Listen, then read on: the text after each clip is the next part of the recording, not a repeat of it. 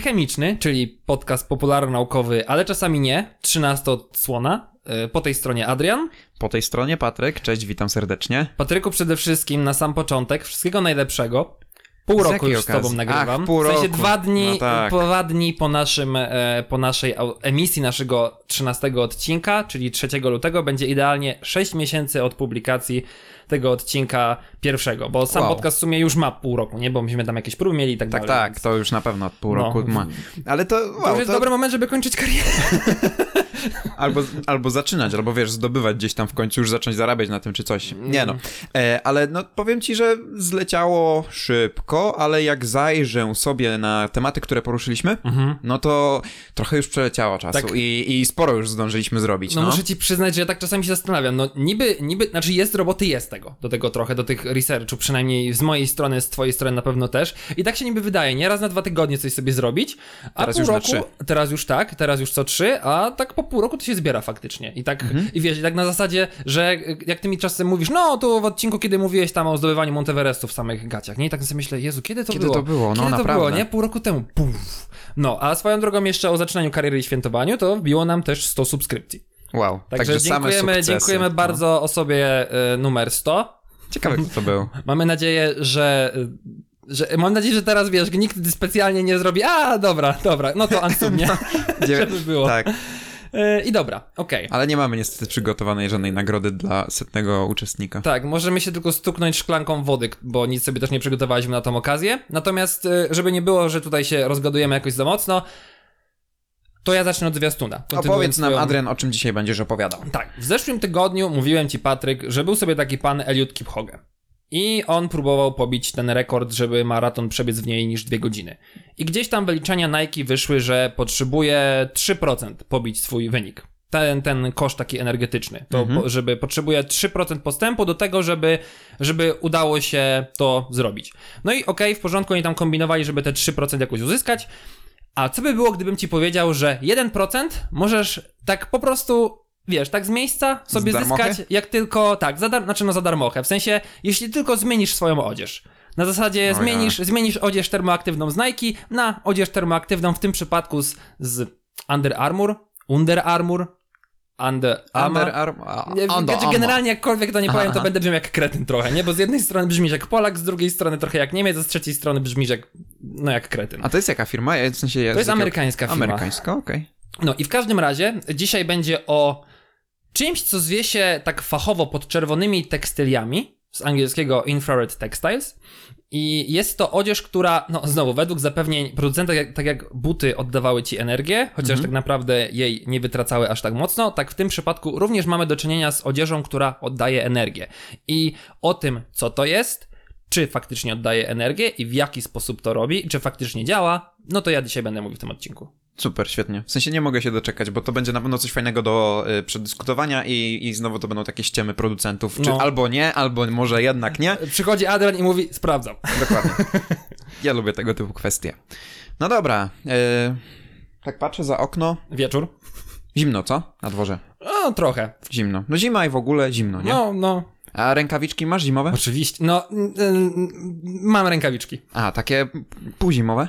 Takie, takie na drutach.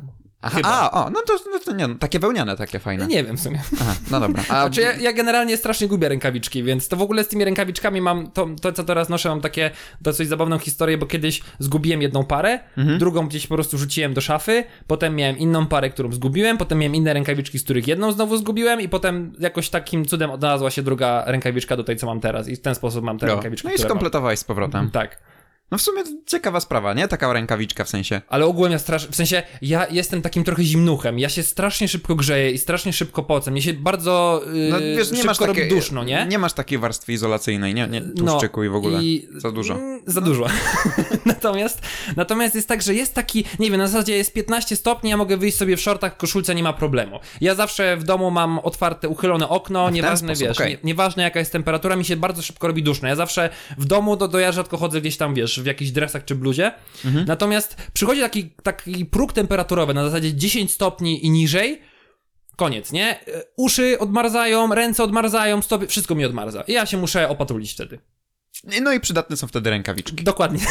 Dokładnie tak. Dobra, dobra, dobra, bo teraz mam dla ciebie zadanie. No. Bo wyobraź sobie, niby rękawiczka, niby prosta sprawa, Okej. ale mam do ciebie taki ten challenge, wyzwanie, Mhm. bo załóżmy, że nie rozumiem, co to znaczy lewy, prawy, lewa, prawa. Dobra. Nie rozróżniam, nie wiem, nie rozumiem Ja mam zupełnie. czasem z tym problem. Więc bez wykorzystania lewa, prawa, spróbuj wytłumaczyć mi, czym się różni jedna rękawiczka od drugiej z jednej pary. To zależy. W sensie, jeżeli rękawiczka jest No masz tą lewą i, pra- lewą i prawą Okej, czyli jest rękawiczkę. profilowana, Tak, dobra. tak, tak, tak. No to różnią się tym, że jest ciuk po innej stronie. I że rękawiczka, rękawiczki jest, są tak dostosowane Aha. stronami, że jeżeli je założysz, to Jezus, wnętrze jest tak zaprojektowane, żeby być na wnętrzu i ułatwiać chwyt, a zewnętrze macie chronić i jak założysz tą rękawiczkę źle, no to w sumie nawet nie będziesz mógł zgiąć tej rękawiczki za bardzo. No Będziesz dobra, ale to, to, nie mogę, jest- to nie mogę włożyć e, jednej ręki do drugiej rękawiczki. No znaczy- jeżeli jest sprofilowana. Yy, możesz próbować, ale to nie będzie na tyle komfortowe. W sensie poczujesz, że coś jest nie tak. No okej, w porządku. Wiesz co wybrnąłeś? Myślałem, że, Jest. będziesz, że będziesz miał większe problemy, bo Dobra. wydawało mi się, że to będzie skomplikowane, bo ja mam w ogóle y, takie dwa słowa, które wszystko wyjaśniają. Wystarczy powiedzieć, że Bo widzisz, bo moja, moje rękawiczki możesz założyć jakkolwiek no chcesz, tak, nie? no nie, nie wszystkie są takie, Dlatego że mają pytam. swoje wnętrze i zewnętrzną stronę. Dokładnie, nie? No, no. tak.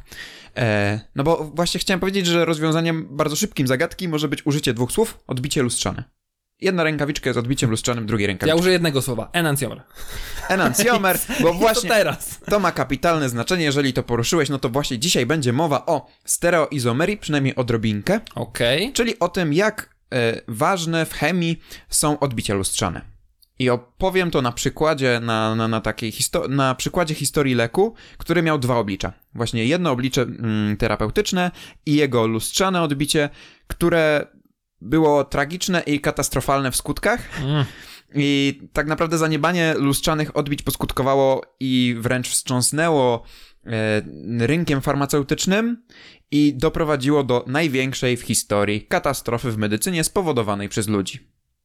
Tak naprawdę będzie to historia o le- leku o nazwie talidomid, ale to już w moim e, temacie opowiem o tym więcej. Dobra. I od razu e, tak tylko napomknę, że cała rozpiska, jeśli chodzi o czasówkę, jest w opisie. Na YouTubie nawet będzie już tak, jeżeli ktoś słucha na YouTubie, będzie po prostu pokazane już na pasku. Tak w jest, końcu, więc jeżeli w końcu wiem, jak to zrobić. Przejść bezpośrednio od razu do mojego tematu, albo do Adriana, albo do jakiegoś e, e, fragmentu, od razu do jakiegoś etapu, bo czasami ostatnio przynajmniej tak było, że w swoim temacie miałeś powyszczególniane, że rozmawiam teraz o tym, rozmawiam teraz o Tak, tym. bo ten temat mój sam trwał Ale to godziny. wynikało właśnie z, po, z potężnego tematu. No dzisiaj tak, to był długo temat nie ciężkiej będzie, wagi.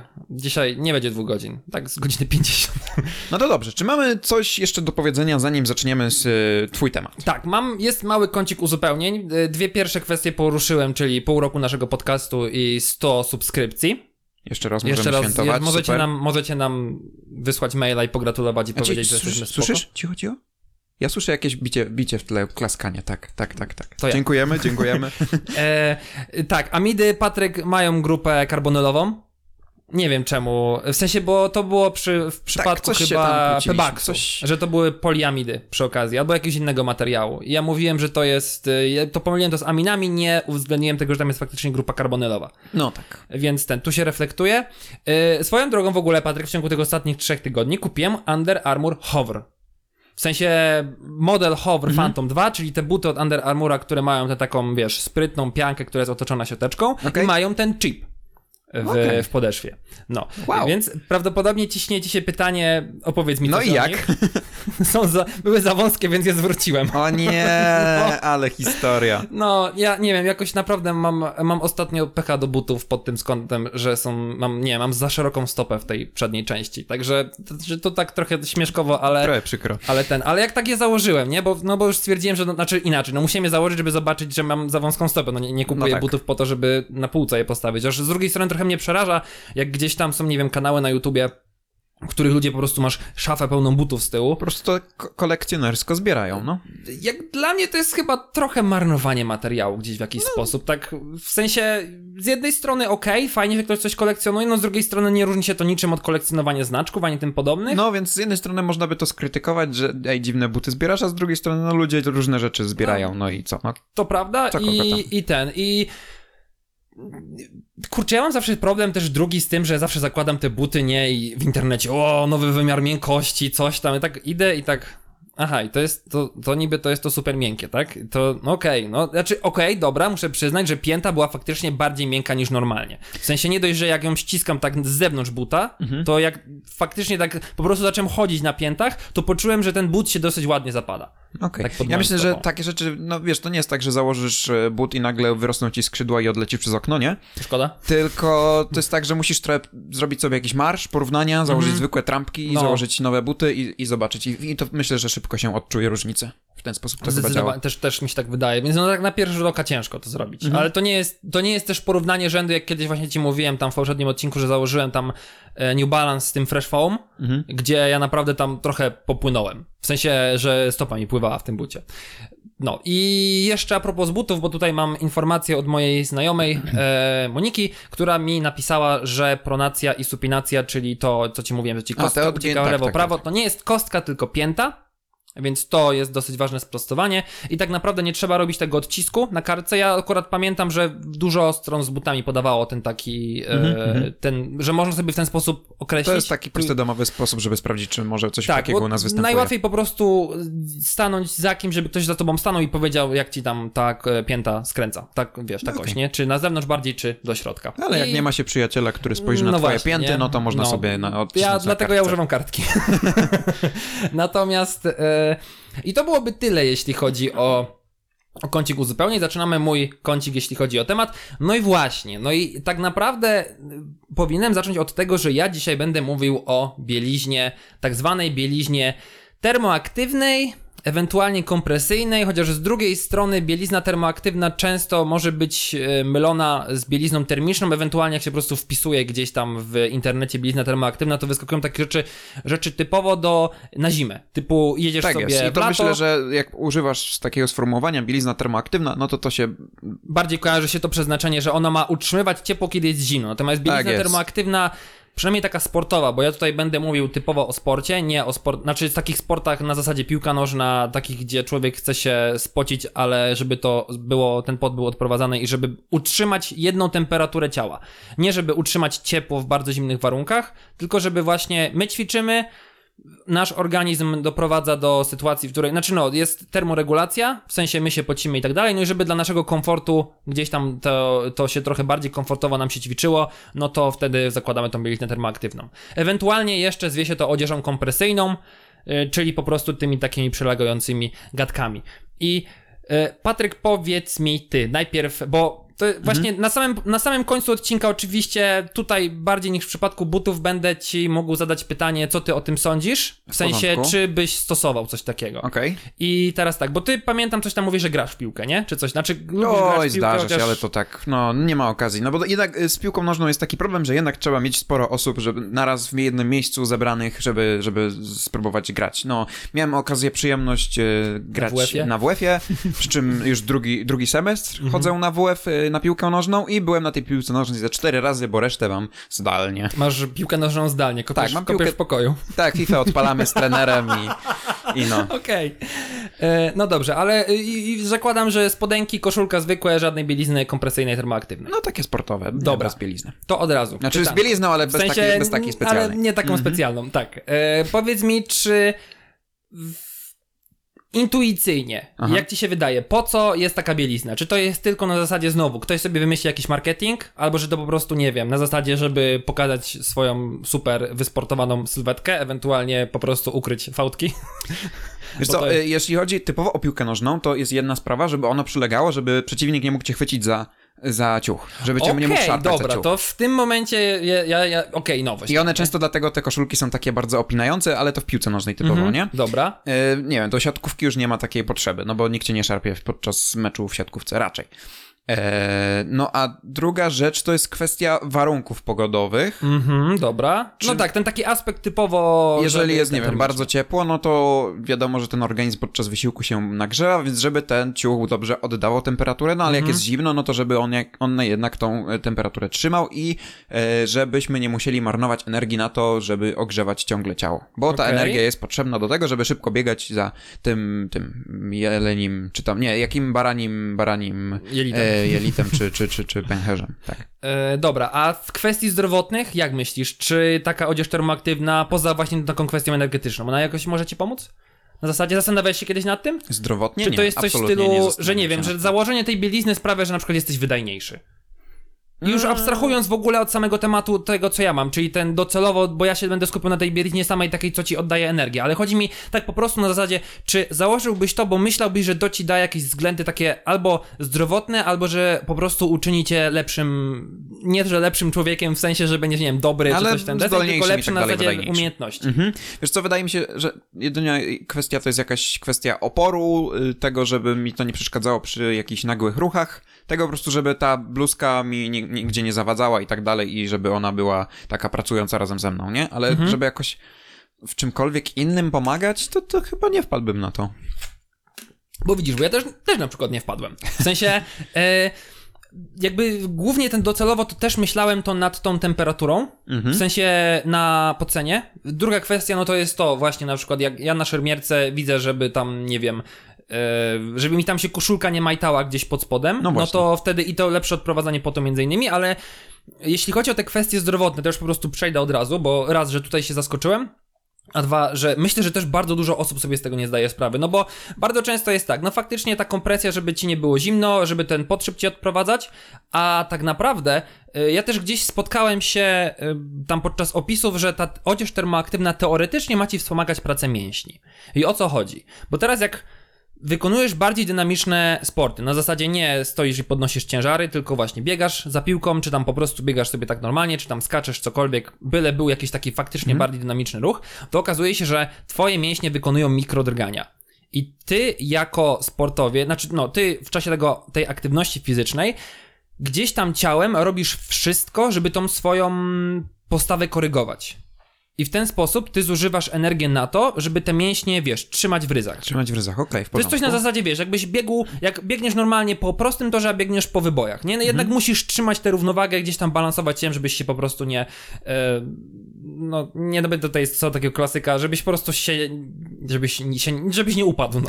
No i podobnie na przykład przy, yy, przy podskoku, ojej, przy skoku, no to przy opadaniu, Mhm. czy tam już o, czy, czy, czy na tym, w tej fazie takiej już uderzania o glebę, no to nie wiem, takie nienapięte partie mięśni, one mogą no, lecieć tak bezwładnie dosyć i podczas biegu my musimy wykonywać jakieś takie napięcia mięśni korygujące to, żeby to po prostu całe nasze ciało nie latało, nie? Dokładnie. Nawet nie chodzi o to, że ktoś ma nie wiadomo jak wiele tłuszczu i gdzieś tam fałdek, tylko no, same mięśnie też potrafią gdzieś tam się ruszać bezwładnie, szczególnie jeżeli nie są yy, napięte. Dokładnie. I o to chodzi tutaj, że jeżeli ty masz taką dosyć, no masz porządną odzież kompresyjną, w, se, w sensie, bo też są badania na temat tego, jakie masz, jakie ciśnienie powinna w ogóle wybierać taka odzież kompresyjna, żeby to z jednej strony było skuteczne, ale z drugiej strony, żeby już nie było tak, że ci to za bardzo, za mocno spina, bo w tym momencie, jak ci to za mocno y, masz tą kompresję tej odzieży, no to, No to wtedy mieć... może być jakiś taki opór, że ja próbuję napiąć mięsień, Nawet nie. Tu chodzi o to po prostu, że wtedy masz y, gorsze natlenienie. W sensie, że za, zaczyna ci naciskać na żyły. I w tym momencie y, no szybciej się męczysz raz, a dwa, że to nawet może doprowadzać do kurczę, nie mam tego zapisanego, ale gdzieś chyba nawet słyszałem, że może być nie że martwice, ale no, no, jakieś takie prostu- niedokrwienie. Dokładnie. Mrowienie różnego rodzaju i tym podobne. Okej, w porządku. No i właśnie, jeżeli ta odzież kompresyjna jest założona i ona jest porządna, no to ona w tym momencie pomaga stabilizować te mięśnie. Więc te mięśnie nie muszą, nie musisz tracić energii na to, żeby gdzieś balansować i korygować to, to swoje ciało. I w ten sposób jesteś już trochę efektywniejszy. To jest raz. Druga kwestia jest taka, że mm, ono też wpływa na trochę szybszy przepływ krwi. Ja nie, nie, niestety nie znalazłem mechanizmu, który to reguluje. Wydaje mi się, że to może być coś na zasadzie trochę gradientu, gradientu stężeń, znaczy ciśnień Ciśnień. Mhm. bo ta odzież kompresyjna daje trochę większe ciśnienie niż naczynia krwionośne i wydaje mi się, że to może być powód, a to, że naczynia krwionośne mm, no, że ta krew płynie żwawiej, no to po pierwsze jest lepsze natlenienie, a po drugie jest też lepsze odprowadzanie różnego rodzaju metabolitów, No właśnie. typu na przykład kwas mlekowy. A kwas mlekowy odpowiada między innymi za ten nasz ból mięśni, no bo kwas mlekowy jest jednocześnie tym, co się tworzy podczas tego e, anaerobo, anaerobowego wysiłku, to się chyba tak nazywa, czyli po prostu oddycha, Oddychanie beztlenowe, tak jest. Dokładnie. I, I to wszystko e, też sprawia między innymi, że poprawia nam się regeneracja mięśni po wysiłku i też te mięśnie się mniej uszkadzają. No okej. Bo też na przykład nie wiem, czy. Znaczy inaczej. Wiesz, co to jest? ale prawdopodobnie nie wiesz, że występuje to pod tą nazwą. Coś, co nazywa się zespołem opóźnionego bólu mięśniowego.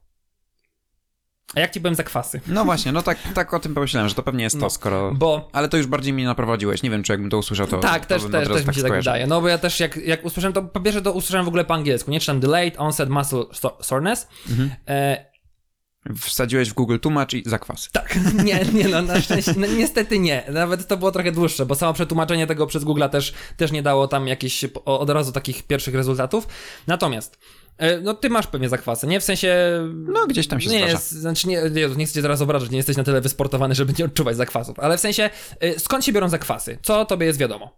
Wiesz co, to właśnie y, chciałem tak trochę o to zahaczyć sam, bo po, wspomniałeś, że e, kwas mlekowy może powodować ból mięśni, bo on Mhm. jest e, m, tym metabolitem oddychania e, beztlenowego Tak. i tak się niby uważało, że za, e, zakwasy, czyli zakwaszenie, czyli ten kwas mlekowy, Jest jeszcze a tak naprawdę cytokinaza keratynowa i ona też odpowiada z tego co wiem za te procesy. W sensie nie wczytywałem się w to, ale wiem, że ona też gdzieś im więcej jest tej e, kinazy keratynowej albo cytokinazy keratynowej, teraz nie pamiętam, przepraszam, mm, to też jest taki większy poziom zakwasów. Ona jest chyba, ona jest chyba metabolitem, który się przez mięśnie między innymi tam wydziela. I im jest Okej. więcej, tym też będziesz miał większe te, e, większy ten zespół tego opóźnienia boleści mięśniowej. Okej, no mi się wydaje, bo tak słyszałem, że zakwasy to nie jest właśnie ten kwas mlekowy i tak dalej, nagromadzenie jego, bo on bardzo szybko jest metabolizowany tak naprawdę. Jeżeli jest odprowadzony, to on jest bardzo szybko metabolizowany przez naszą wątrobę, ale to jest mikro, nad... znaczy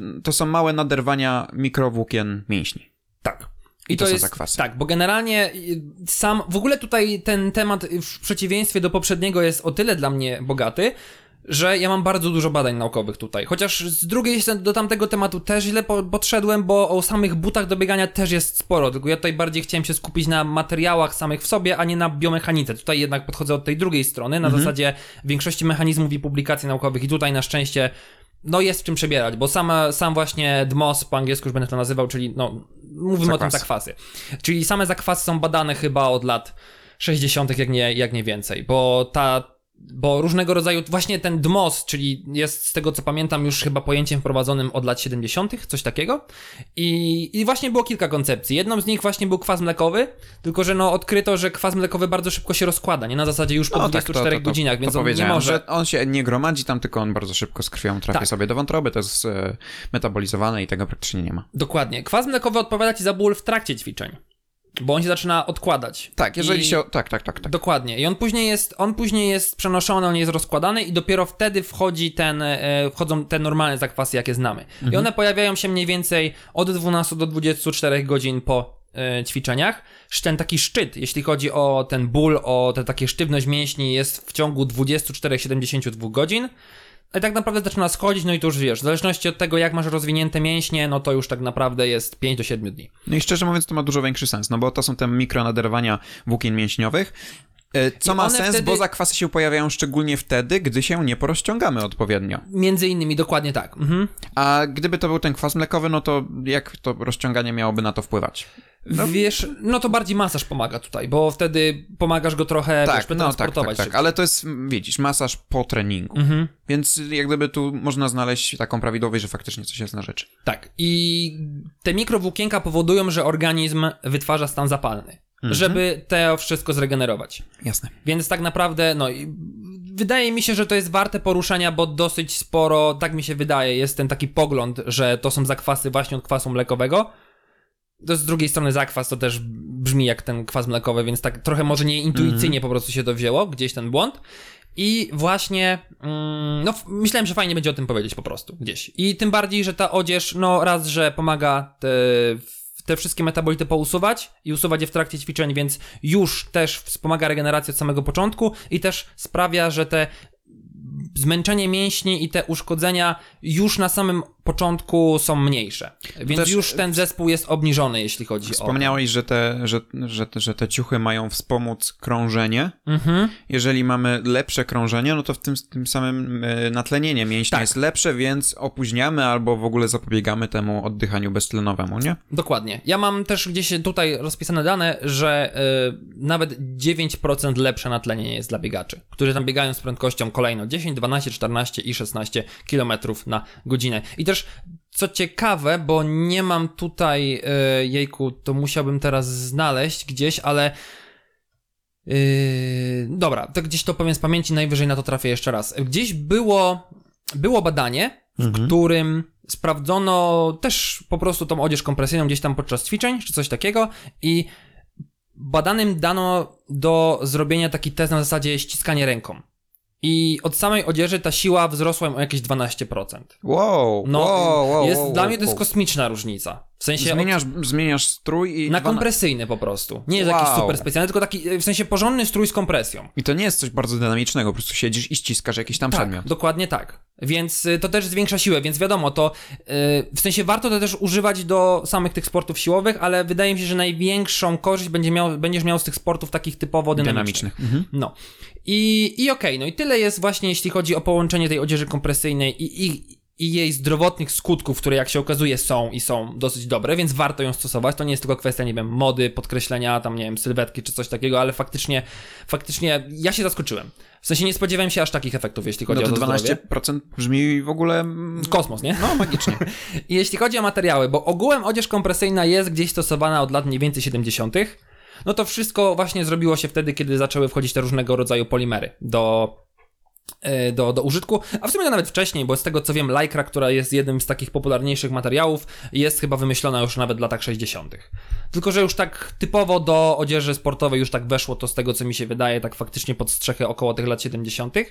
No i teraz co? No jeśli chodzi o w ogóle wymagania, jakie musi spełnić ten materiał, żeby był do takiej odzieży kompresyjnej, no to oczywiście musi być elastyczny, żeby się gdzieś tam rozciągać. No i też ta elastyczność musi być na tyle duża, że on po rozciągnięciu wróci do swojego kształtu. No bo co nam taka koszulka, która się rozciągnie, ale zaraz po tym, wiesz, zaraz po tym ściągniesz, no nie ściągnie ci się po prostu. E, Będzie jak normalna zwykła koszulka. I mamy, rozróżniamy trzy klasy rozciągania. E, Jedna jest niska, czyli materiał rozciąga się od 20 do 150% swojej długości. No i później kolejno średnia i wysoka, no to niektóre materiały potrafią się rozciągać nawet 1000%. Wow. Co no jest do super wynikiem. I, I poza tym materiałem samym w sobie jeszcze użytym, zaraz do konkretnych przykładów dojdę, no to ważny jest jeszcze splot.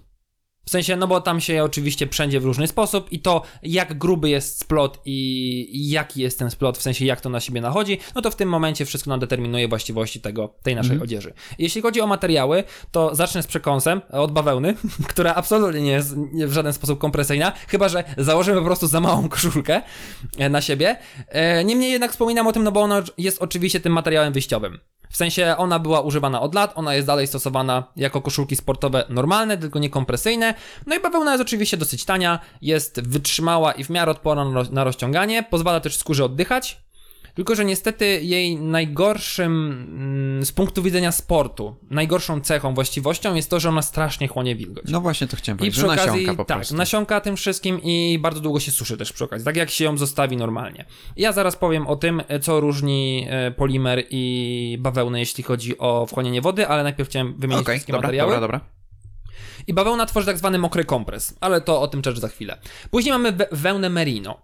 I wełna merino jest taką premium bawełną, No bo, bo ona jest... Premium wełną. Znaczy premium wełną, w sensie jakby jest takim premium zamiennikiem w stosunku do bawełny samym Dobra, w sobie. O, Organicznym takim e, Dokładnie. materiałem.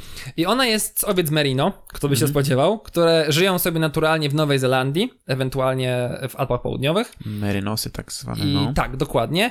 I są, i to jest w sumie materiał, który jest coraz popularniejszy. Teraz dopiero producenci gdzieś tam zaczynają do niego e, korzystać z niego na nowo i on jest bardzo popularny w outdoorze. Czyli bardziej takich górskich, e, pierwszych wycieczkach, aniżeli jakichś tam super, super znowu wiadomo sportach. Mm, Niemniej jednak jest dlatego, bo jest większa w dotyku niż standardowa bawełna. Z racji tego, że te owce, te merynosy, tak? Merynos, tak, się mówi. Merynosy potrafią żyć w warunkach od minus 20 do 30-40 stopni Celsjusza. Miałem mówić na minutę, nie wiem czemu.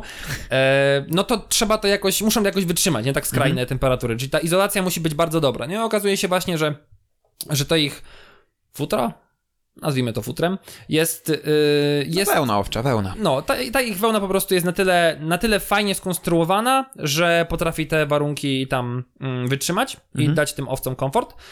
I później nie No bo, chłonie też... do, dobra, no bo ta wełna jest strasznie, znaczy wełna w ogóle wełna, niekoniecznie meryno, merynosa, Mhm. od, z merynosów, jest super, bo ona właśnie jest bardzo świetnym materiałem takim termoizolu, izol, izolującym. Izolacyjnym. Może Izolacyjnym? izolującym, izolacyjnym, no. E, i, i, i, to jest super, po prostu w takim wełnianym sweterku jest ciepło, ale jest jeden problem. Jak tylko delikatnie się spocisz, to to tak Oj, gryzie. mhm, No, A merynos nie. No, okej. A merynos. Ja Merynosa nigdy nie miałem na, na sobie, więc Okej. nie mogę się... Więc merynos ma to do siebie. A ty miałeś na sobie. Merynosa? Albo E, dotykałeś coś? Nie wiem, w sklepie? No, no chyba tak. Poszedłeś przymierzyć, nie? Ale zobaczyłeś cenę i stwierdziłeś, nie, dobra, to kiedyś. Nie, no ale to tak, no to, to słynie z tego, że po prostu merynos jest super, bo nie gryzie, nie? Mhm. Mm, lepiej odprowadza pot przy okazji, jest dosyć lekka i nie chłonie zapachów, bo polimery mają to do siebie, że one dosyć mocno te zapachy chłoną. Okej. Ale dlatego też między innymi w strukturę tam się im daje jony srebrna, srebra, żeby te bakterie tam zabijały. Natomiast Mhm. jak to działa ten mechanizm, to nie wiem. Może kiedyś to zgłębię. W sensie, jak jony srebra zabijają bakterie? Tak. Wydaje mi się, że w ogóle to jest taki ciekawy temat i jeszcze taki nie do końca poznany, jak to się dzieje. Inna kwestia, że wiesz, one są tak powszechnie stosowane, ja też gdzieś się spotkałem ostatnio z tym... W tych e, maseczkach trafiają się w... Teraz jak nosimy maseczki, to no trafiają generalnie się jony wiesz, srebra. to jest, to, wydaje mi się, że to jest jedna z takich cech, które już tak bardzo weszły w ludziom w głowę i jest tak bardzo re- rozreklamowane, że to są te jony srebra i tak się zastanawiam, kurde, ale no tyle się to stosuje, bakterie są znane z tej swojej takiej, tego, że się przystosowują. Naprawdę te bakterie jeszcze nie, jakoś nie przyzwyczaiły się do tych jonów srebra? Wydaje mi się, że to jest tak, że to jeszcze ten mechanizm w ogóle nie jest do końca poznany. Nie jest jeszcze do końca jasny. I z tego co wiem, to one się u, częściowo uodporniły, ale chyba jeszcze nie w tym, mm, nie w odzieży termoaktywnej, albo znaczy ogółem tych takich y, kategoriach odzieżowych. No okej. tam w strukturze. Ale to jest niepotwierdzone przeze mnie, więc ja może o tym zrobię kiedyś odcinek, bo też wydaje mi się, Brzmi że bardzo ciekawie, no. Mhm. I tyle jeśli chodzi o materiały takie naturalne. Teraz mamy materiały, no źle to zabrzmi, ale no powiedzmy sztuczne, sztucznie utworzone. Syntetyczne. Utworzone, o, syntetyczne, to zdecydowanie lepiej brzmi. No i mamy pierwszy, to jest naj, najpopularniejszy, to jest y, poliester. Poliester jest y, ze, złożony z estrów, jak sama nazwa wskazuje. Najczęściej stosowanym jest polietylen tereftalen, w skrócie PET. I no jest oczywiście wytrzymałym materiałem, jest bardzo rozciągliwy, jest łatwy w pielęgnacji, jest odporny na pleśń i grzyby. To jest dosyć ważne. Jest też mało hygroskopijny, przez co nie wchłania tej wody i dobrze przy okazji ją odprowadza. No i się nie gniecie. To jest w sumie dobra sprawa, bo tej bielizny termoaktywnej naprawdę nie trzeba w ogóle prasować. To znaczy nawet samo prasowanie, ja myślę, że w wyższej temperaturze skończyłoby się tym, że ufajdalibyśmy sobie żelazko, a jeszcze przy okazji wypalili dziurę. Tak, wiesz co, zastanawiam się, bo jest e, te, no, mamy ten PET, no i to jest to samo, ten sam, to samo tworzywo, które jest w butelkach Tak. plastikowych No. i tam się już to gniecie. Tam są takie, wiesz, odkształcenia. No ale wiesz, to jest grubość warstwy, to jest Tak. w nici utkane, nie? Więc to jest kompletnie inna struktura materiału. No nie, bo jednak jak czytałeś te wszystkie właściwości, to to się prawie to samo prze- przekłada na właściwości butelki plastikowej. Mhm. W większości, ale poza tym gnieceniem to mnie zastanowiło, że w sumie Nie, znaczy wydaje mi się, Aha. bo jakby tego nie sprawdzałem, ale wydaje mi się, że to jest kwestia tego, że po prostu to jest, to są włókienka w przypadku Tak, odzieży tak. termoaktywnej, a w butelce no to masz po prostu taki, taką ścianę, nie? One są grubsze przede wszystkim. Dobra, to mam do ciebie pytanie, czy wiesz taka klasyczna y, torba f- z folii, Mhm. foliówka, czy No, no, zrywka, czy siatka, czy jak, jak kto, kto, kto skąd jest, tak to różnie nazywa, to czy ona też jest PET? Ona jest polietylenem. To taka najprostsza chyba. Okej, Więc to nie jest e, Okej. ten. no dobra, dobra, w porządku. Dobra. Dalej. Mamy elastan, zwany też spandexem albo lycrą. I to jest ten chyba pierwszy, pierwszy taki, pierwszy taki polimer właśnie elastyczny stosowany gdzieś tam w odzieży w tym celu. I ona jest y, zrobiona przez firmę Dupont z Francji. Mm, I to jest elastor, elastomer poliuretanowy. Ma takie, jest połączony ze sztywnych bloków uretanowych i giętkich e, glikolowych bo mamy tam złożonych z tych polimerów glikolu etylenowego. Później to jest oczywiście, to jest chyba jeden z najbardziej elastycznych materiałów tak w ogóle ever, bo to on ma wydłużenie od 500 do 1000% i elastan jest tak naprawdę dodatkiem zwykle, bo jak tam się gdzieś kiedyś może miałeś okazję wczytywać w metki, to zwykle elastan tam jest do, nie wiem, max 10%. Tak, tak. I on sprawia, że ten krój faktycznie jest gdzieś dopasowany. Później mamy polipropylen i to są poliolefiny. Poliolefiny są bardzo długimi łańcuchami węglowymi, po prostu samymi łańcuchami węglowymi.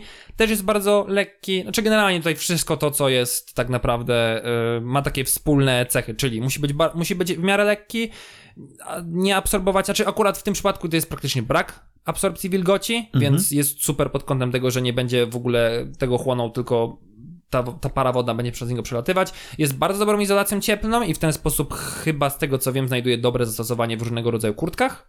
takich zimowych, porządnych, mm, tylko nie jest odporny na UV.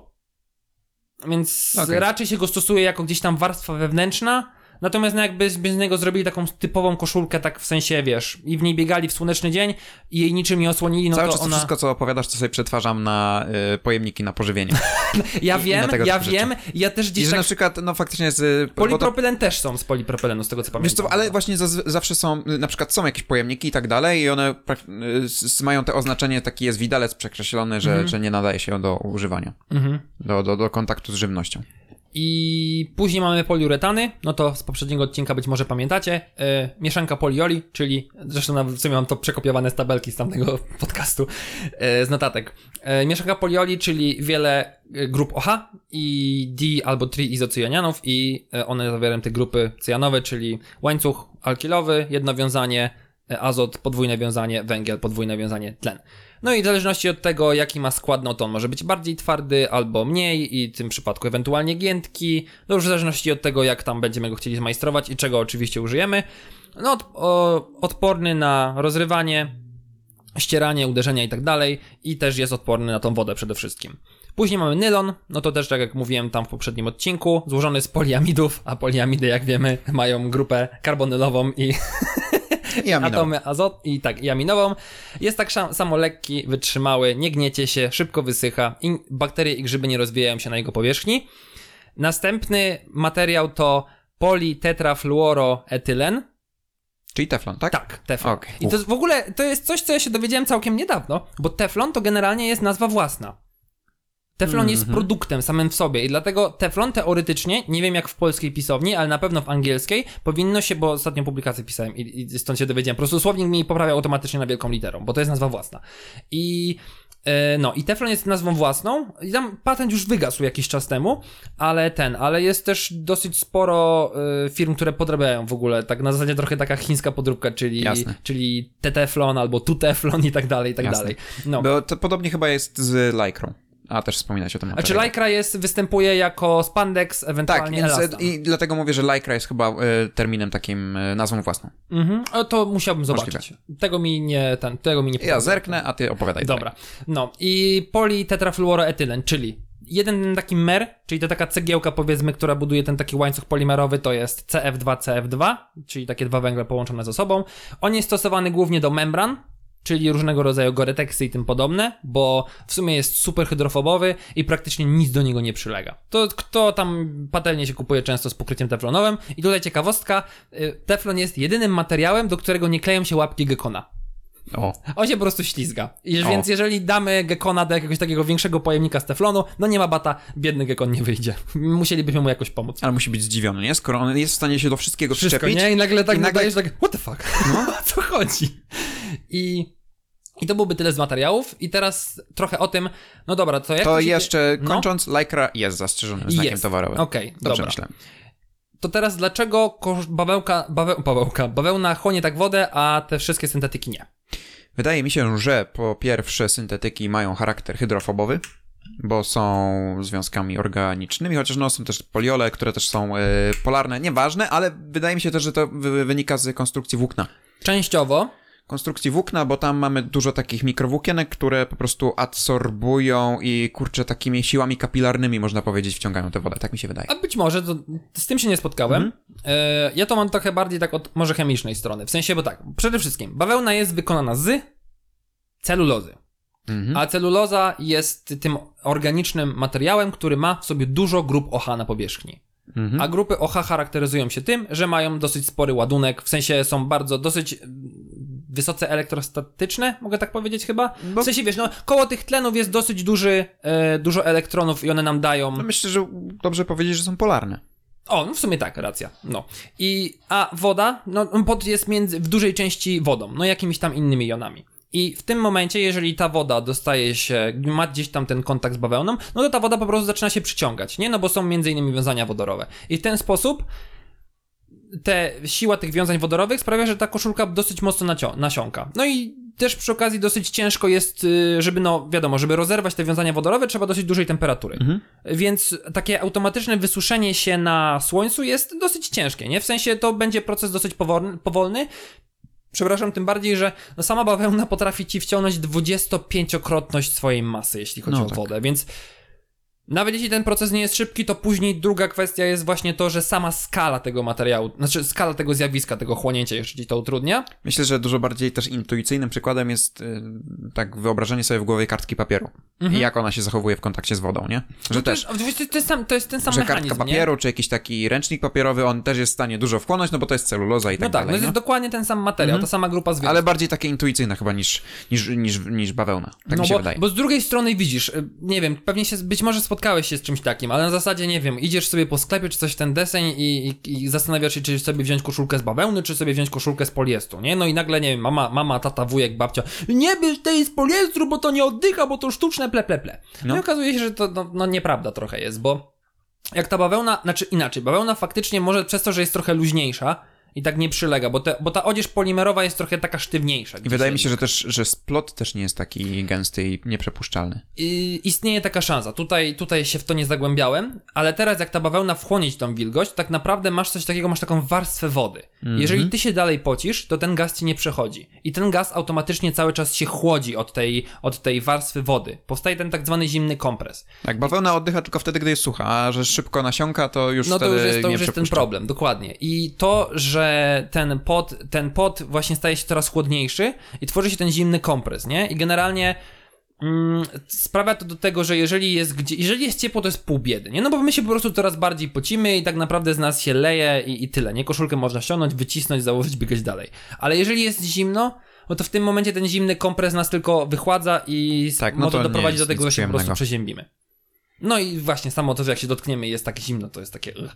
Natomiast jeśli chodzi o syntetyczne koszulki, to właśnie, jeżeli mamy takie materiały jak teflon, który nie ma w ogóle w sobie grup OH, no to ta woda po prostu przez niego przechodzi, nie? I on jest też automatycznie hydrofobowy. Ale materiały, które mają te grupy OH różne, no to one nie mają tych grup tak dużo, więc przy okazji ta absorpcja wody jest mniejsza. I tak jak w przypadku bawełny to chłonięcie wody wynosiło 20, 25-krotność wagi, no to w tym momencie w przypadku materiałów syntetycznych to jest 10% swojej wagi.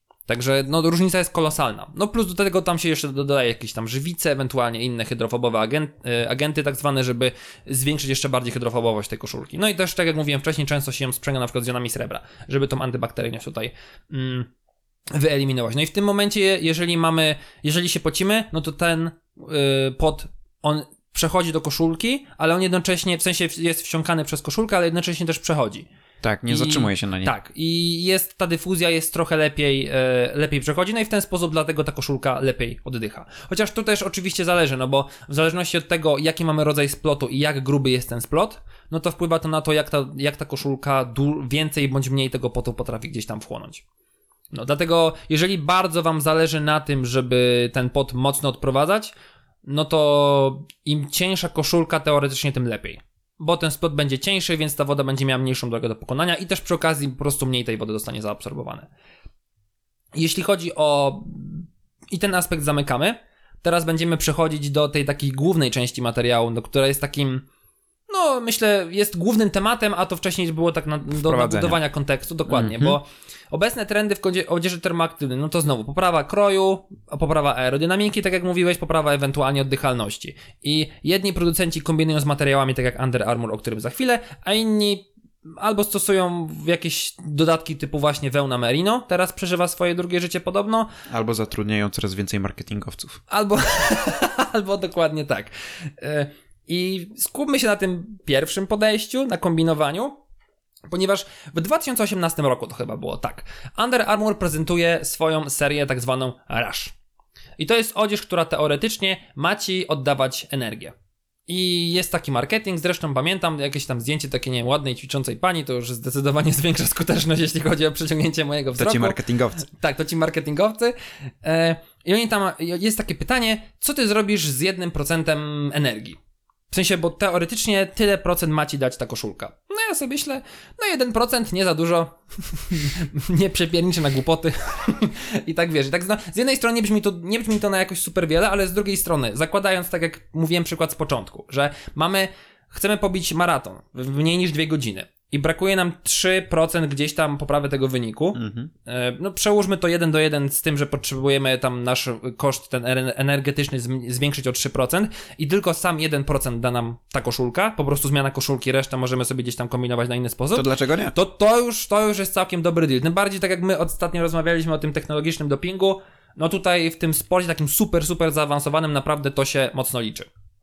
I no i dobra, no i wchodzę na tą stronę Under Armoura w ówczesnych czasach, no i okej, marketingowcy, zacieram rączki, jestem gotowy, nie? Jakimi, jakimi No ciekawostkami... słucham, opowiedzcie mi. Jakimi ciekawostkami ze strony chemii, której nie będzie, mnie zaskoczycie? No i dobra, no i oni mówią, że mamy włók... O, przepraszam, popild mi się uderzyło. No i oni mówią, że no dobra, no to są włókna polimerowe połączonymi z aktywnymi minerałami. I te aktywne minerały sprawiają, że ciepło przez, y, wydalane miałem mówić, wydzielane przez człowieka jest absorbowane przez, tą, przez ten materiał i ono później jest z powrotem emitowane w kierunku człowieka. No i na człowieka pada właśnie to takie, e, to promieniowanie i tam działa te cuda. Jeśli chodzi o te cuda, to do tego jeszcze przejdę. Natomiast teraz chciałem poruszyć ten pierwszy wątek o energii, ponieważ generalnie Under Armour to nie jest produkt typowo Under Armoura, on to zrobił we współpracy z firmą Ciliant. I właśnie firma Ciliant zajmuje się już od kilku dobrych lat tymi materiałami, które nazywają się tak zwanymi tymi podczerwonymi tekstyliami. I tutaj zaczynając od tej energii. Otóż yy, to, że my wytwarzamy ciepło, jest trochę równoznaczne z tym, że my w jakiś sposób tracimy energię. Bo to, ten przepływ krwi na przykład nam generuje ciepło, my też, wydaje mi się, że jeżeli my na przykład bierzemy sobie energię z pokarmu, no to po prostu też rozrywając te wiązania, też jakieś ciepło się przy okazji wydziela. No bo tak jak możecie wiedzieć z y, odcinka, jak się, bu- dlaczego zamki z piasku się burzą chyba, czy coś Mm, takiego. Dlaczego? Szósty odcinek. Tak, tak, tak. No, y, możecie wiedzieć, że no nie ma czegoś takiego jak wytworzenie energii, to jest po prostu kompresja na różnych drogach. No i w każdym razie y, konkluzja jest taka, że my jako ludzie po prostu tracimy energię. I ta energia jest między innymi tam przez konwekcję dawana, bo na przykład, nie wiem, zakładamy chłodniejsze ubranie, no to w tym momencie też to ciepło tam to ubranie ogrzewa. Ewentualnie my jako, jako też element termoregulacji, no bo jak ćwiczymy, no to żeby schłodzić nasz organizm, my też pocimy się, ten pot później odparowuje i w ten sposób przekazuje energię do otoczenia i, te, i ta energia, która jest przekazana nas schłada po prostu. My się tej energii w jakiś sposób pozbywamy. Mhm. I teraz człowiek, y, jeśli chcesz wiedzieć, ile człowiek traci energii, no to jest tak, czy tam bardziej, tak, ile człowiek w, w spoczynku, no to jest tak, 4000, znaczy 4 kJ energii, czyli w sumie to tak jakby chyba jedna kaloria, razy masa ciała, razy godzina. I w spoczynku tracimy 100, tak przeliczając to na waty, bo tu taki fajny wykres znalazłem, w czasie spoczynku 108 watów w ciągu chyba jednej godziny, tak mi się wydaje, e, tracimy. Czyli no w sumie możemy zasilić kilka żarówek. Jeśli zaczynamy jakąś aktywność, to na przykład, nie wiem, dla wspinaczki to jest 609 watów, na rower to jest 893 waty, a dla koszykówki potrafimy nawet 1100 watów energii wyemitować tak po prostu. To jest coś, co się nie wróci, to jest strata. No i w tym Siliancie stwierdzili, kurczę, ale byłoby fajnie, jakbyśmy mogli jakoś tak, no tracimy to i tak, no to jakby to w jakiś sposób wrócić i, i, i gdzieś tam zmniejszyć te straty, te straty energii. No i tak pokombinowali, pokombinowali, no okej, dobra, człowiek traci to ciepło, ciepło to jest nic innego jak promieniowanie podczerwone. Promieniowanie podczerwone jest, jakby to powiedzieć, po prostu jest promieniowaniem, ono ma tam swoją energię, to może być, albo to mogą być fale, albo cząsteczki, w zależności od tego, w jaki sposób do tego podejdziemy, to wynika z tam z tej teorii korpuskularno-falowej. No i teraz przyjmuje się ten taki zakres energetyczny przyjmowany w skali tej długości fali, czyli tak jakby zakładając, że energia to jest fala, no to jeżeli mamy te dwa skrajne górne brzegi fali, no to to jest ta długość fali, czyli odległość między tymi dwoma takimi, nazwijmy to przypływami. Górkami, tak. Tak, między dwoma górkami. No to to jest w zakresie 750 nanometrów 1 mm. To nawet nie jest jakoś super ważne, to się tam dzieli na bliską, daleką, średnią i daleką podczerwień i my skupimy się na tym tak zwanym far infrared, czyli bliskiej podczerwieni, ponieważ ten zakres jest, ma wiele biologicznych zastosowań. Ponieważ jeżeli, w ogóle nie wiem, czy ty w ogóle słyszałeś o czymś takim jak, nie wiem, sauna podczerwieni albo coś w ten deseń? Mm, sauna pod czerwień? Chyba nie. Bo możemy, bo normalnie w saunie wiesz, jest ciepło, tam daje nam to jakieś korzyści, nie mam pojęcia teraz jakie, nieważne, ale w saunie podczerwonej mamy tak, że po prostu oświetla nas promieniowanie podczerwone. Mhm. Czyli tak można trochę na upartego powiedzieć, że jakby nas coś grzało, tylko my tego nie widzimy. To jest coś jakbyśmy naświe- jakby nas naświetlali pod lampą UV, tylko że to jest, tylko że my tego nie widzimy. Mhm. Bo to jest takie promieniowanie, takie światło, nazwijmy to w, tak w cudzysłowie, którego nie widzimy. I, i ono tam, ono potrafi wniknąć 4, mm, 4 cm pod skórę i ono sprawia, że rozszerzają nam się naczynia krwionośne i znowu rozszerzają się naczynia, więc przepływa więcej krwi, we krwi jest więcej tlenu, tam przy okazji się pory rozszerzają, ale to w saunie wychodzą wszystkie toksyny i tak dalej, no generalnie jesteśmy zdrowsi. I różny ten przepływ, między innymi, to lepsze natlenowanie sprawia, że mm, mamy lepsze gojenie się ran, poprawia nam się sen, znalazłem nawet informację, że to tak się też leczy depresję, ale to jest do zweryfikowania i też nawet hamuje roztwór, e, rozwój nowotworów. No, okej. Więc w teorii to promieniowanie podczerwone brzmi całkiem w porządku. I teraz jeśli chodzi o człowieka, to on to emituje w takim zakresie 3,50 mikrometrów. Natomiast szczyt jest gdzieś w okolicy, no, gdzieś około 10 mikrometrów. To jest w temperaturze pokojowej. Okej, Czyli tak normalnie, jak sobie żyjemy. I teraz. Oni wykombinowali, że stworzą sobie ubrania, i te ubrania są właśnie z materiałów polimerowych, i te materiały polimerowe są połączone z tak zwanymi Far Infrared Ceramics, czyli materiałami ceramicznymi, które tam mają emitować i pochłaniać to promieniowanie z zakresu bliskiej podczerwieni. I to są materiały proszkowe i to są takie minerały jak, nie wiem, tlenek glinu, tlenek żelaza, tlenek magnezu, tlenek krzemu, tytanu, e, węglan wapnia i różnego rodzaju turmaliny, czyli minerały na bazie borokrzemianów. I to wszystko bierze się gdzieś, yy, zwykle to gdzieś jak spotkałem się w publikacjach, jak to się robi, to po prostu bierze się włókno, może to być na przykład właśnie PET, miesza się go z tymi minerałami, które powiedziałem przed chwilą. One, to jest ich kilka, tam gdzieś jak widziałem na stronie, to podobno ich jest nawet 13. No, jakaś mieszanka, nie? Tak, no, dokładnie. nie No ale to takie- tutaj firma mówi dosyć sporo o swoich badaniach, ale no też domyślam się, że nie powie wszystkiego, no bo wiadomo, tajemnice handlowe. I to się wszystko miesza ze sobą, ogrzewa się w 800, 800, 850 stopniach Celsjusza przez 2,5 godziny. Mhm, Tak, to się to później się... formuje w włókna. Dokładnie.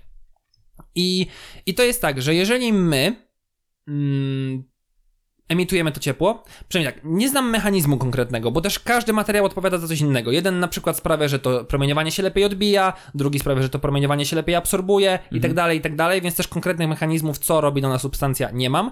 I tak mi się wydaje, bo też y, jeśli chodzi o taki konkretny mechanizm, taki na tym poziomie molekularnym, też nie doczytałem go, też nie znalazłem go nigdzie w publikacjach, ale wydaje mi się, że to jest trochę na zasadzie, że my emitujemy to ciepło, czyli to promieniowanie podczerwone. Mhm. Ono, akurat to promieniowanie podczerwone jest w takim zakresie, czyli jak można powiedzieć, ma takie schodki, które sprawiają, że elektron, że wiązania zaczynają drgać w, w, w tych wszystkich molekułach, w Mhm. tym między tam, nie wiem, tym magnezem i tlenem. I to jest tak, że te elektrony wskakują sobie na jakiś wyższy poziom, czyli można powiedzieć, wychodzą na jakiś stopień, ale one nie chcą tam być, one od razu chcą zejść na dół, więc one schodzą i w tym momencie oddają. to promieniowanie. A że akurat materiał jest tak skonstruowany, że to promieniowanie, które one emitują, ono jest trochę krótszej fali, czyli ma trochę mniejszą energię, to tam pewnie też wynika z tego, że część tej energii jest właśnie pochłaniana przez to drganie między innymi, no to to promieniowanie idzie w skórę człowieka i ono właśnie te 4 cm pod skórę potrafi wejść, no i ono właśnie między innymi rozszerza te naczynia krwionośne. To jest też, to jest też swoją drogą związane z tym, że właśnie to promieniowanie, które jest emitowane, ono też wpływa na to, że te cząsteczki wody, które są w różnych tkankach, które tam gdzieś yy, mamy po prostu tutaj w ciele, w ciele, one też zaczynają drgać. Tak jest. To jest I- takie promieniowanie, które nie, nie wybija elektronów, jak na przykład w promieniowaniu ultrafioletowym. Albo na przykład w promieniowaniu rentgenowskim. Dokładnie. E, tylko no sprawia to to, że zaczynają drgać wiązania. Tak. I jak dostarczamy tę energię, to one drgają po prostu intensywniej. I z racji tego, że one drgają, one zwiększają swoją energię kinetyczną, a energia kinetyczna jest niczym innym jak temperaturą. Więc po Mhm. Prostu tym- zwiększamy, zwiększamy przy okazji trochę ciepło. Mhm. I to też sprawia, tak mi się wydaje, że naczynia krwionośne się rozszerzają. Chociaż to jest też związane z tym, że między innymi przez takie drgania pobudzone są też cząsteczki przykład mitochondriów, tam ich chyba ściany komórkowe, chociaż tutaj, Okej. tutaj już tak bardziej biologicznie. I tutaj więc trochę stąpam w takim cienkim gruncie i, i nie jestem tego tak bardzo pewny, nie wczytywałem się to aż tak bardzo, ale generalnie też stymuluje się chyba wydzielanie tlenków azotu, które powodują same z siebie rozszerzenie naczyń krwionośnych. Tak, no tlenki azotu są e, odpowiedzialne za to, by rozszerzać nasze naczynia krwionośne. Dokładnie. Tak na przykład działa sildenafil. Dokładnie. Wiesz czym jest sildenafil? Nie. Viagrą. A- Aha, okej, Tak dobra. porządku. stymuluje e, uwalnianie tlenku azotu. Dobra.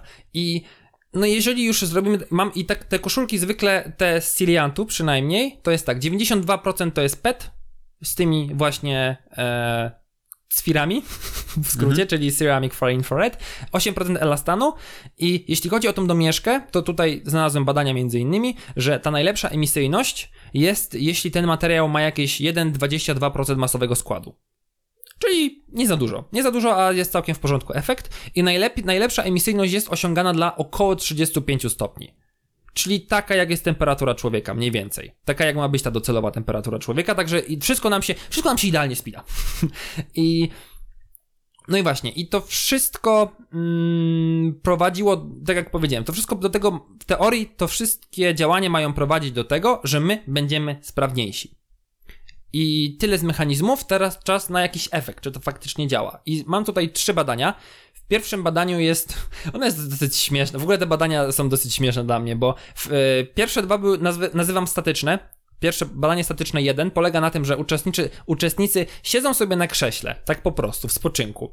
I możesz sobie grać, Ale możesz sobie mieć poczytać. skomplikowany możesz casting sobie, w ogóle. Możesz sobie poczytać książkę. Ka- casting był trudny, bo to jest na zasadzie, wiesz, musisz być tak zdrowy, nie mieć żadnych chorób płuc, nie wiem, serca, nie możesz być w ciąży i tak dalej, nie wiem, palić i tak No dalej. i tak musisz dalej, siedzieć nie? na krześle i... Ale no sama procedura testowa jest bardzo...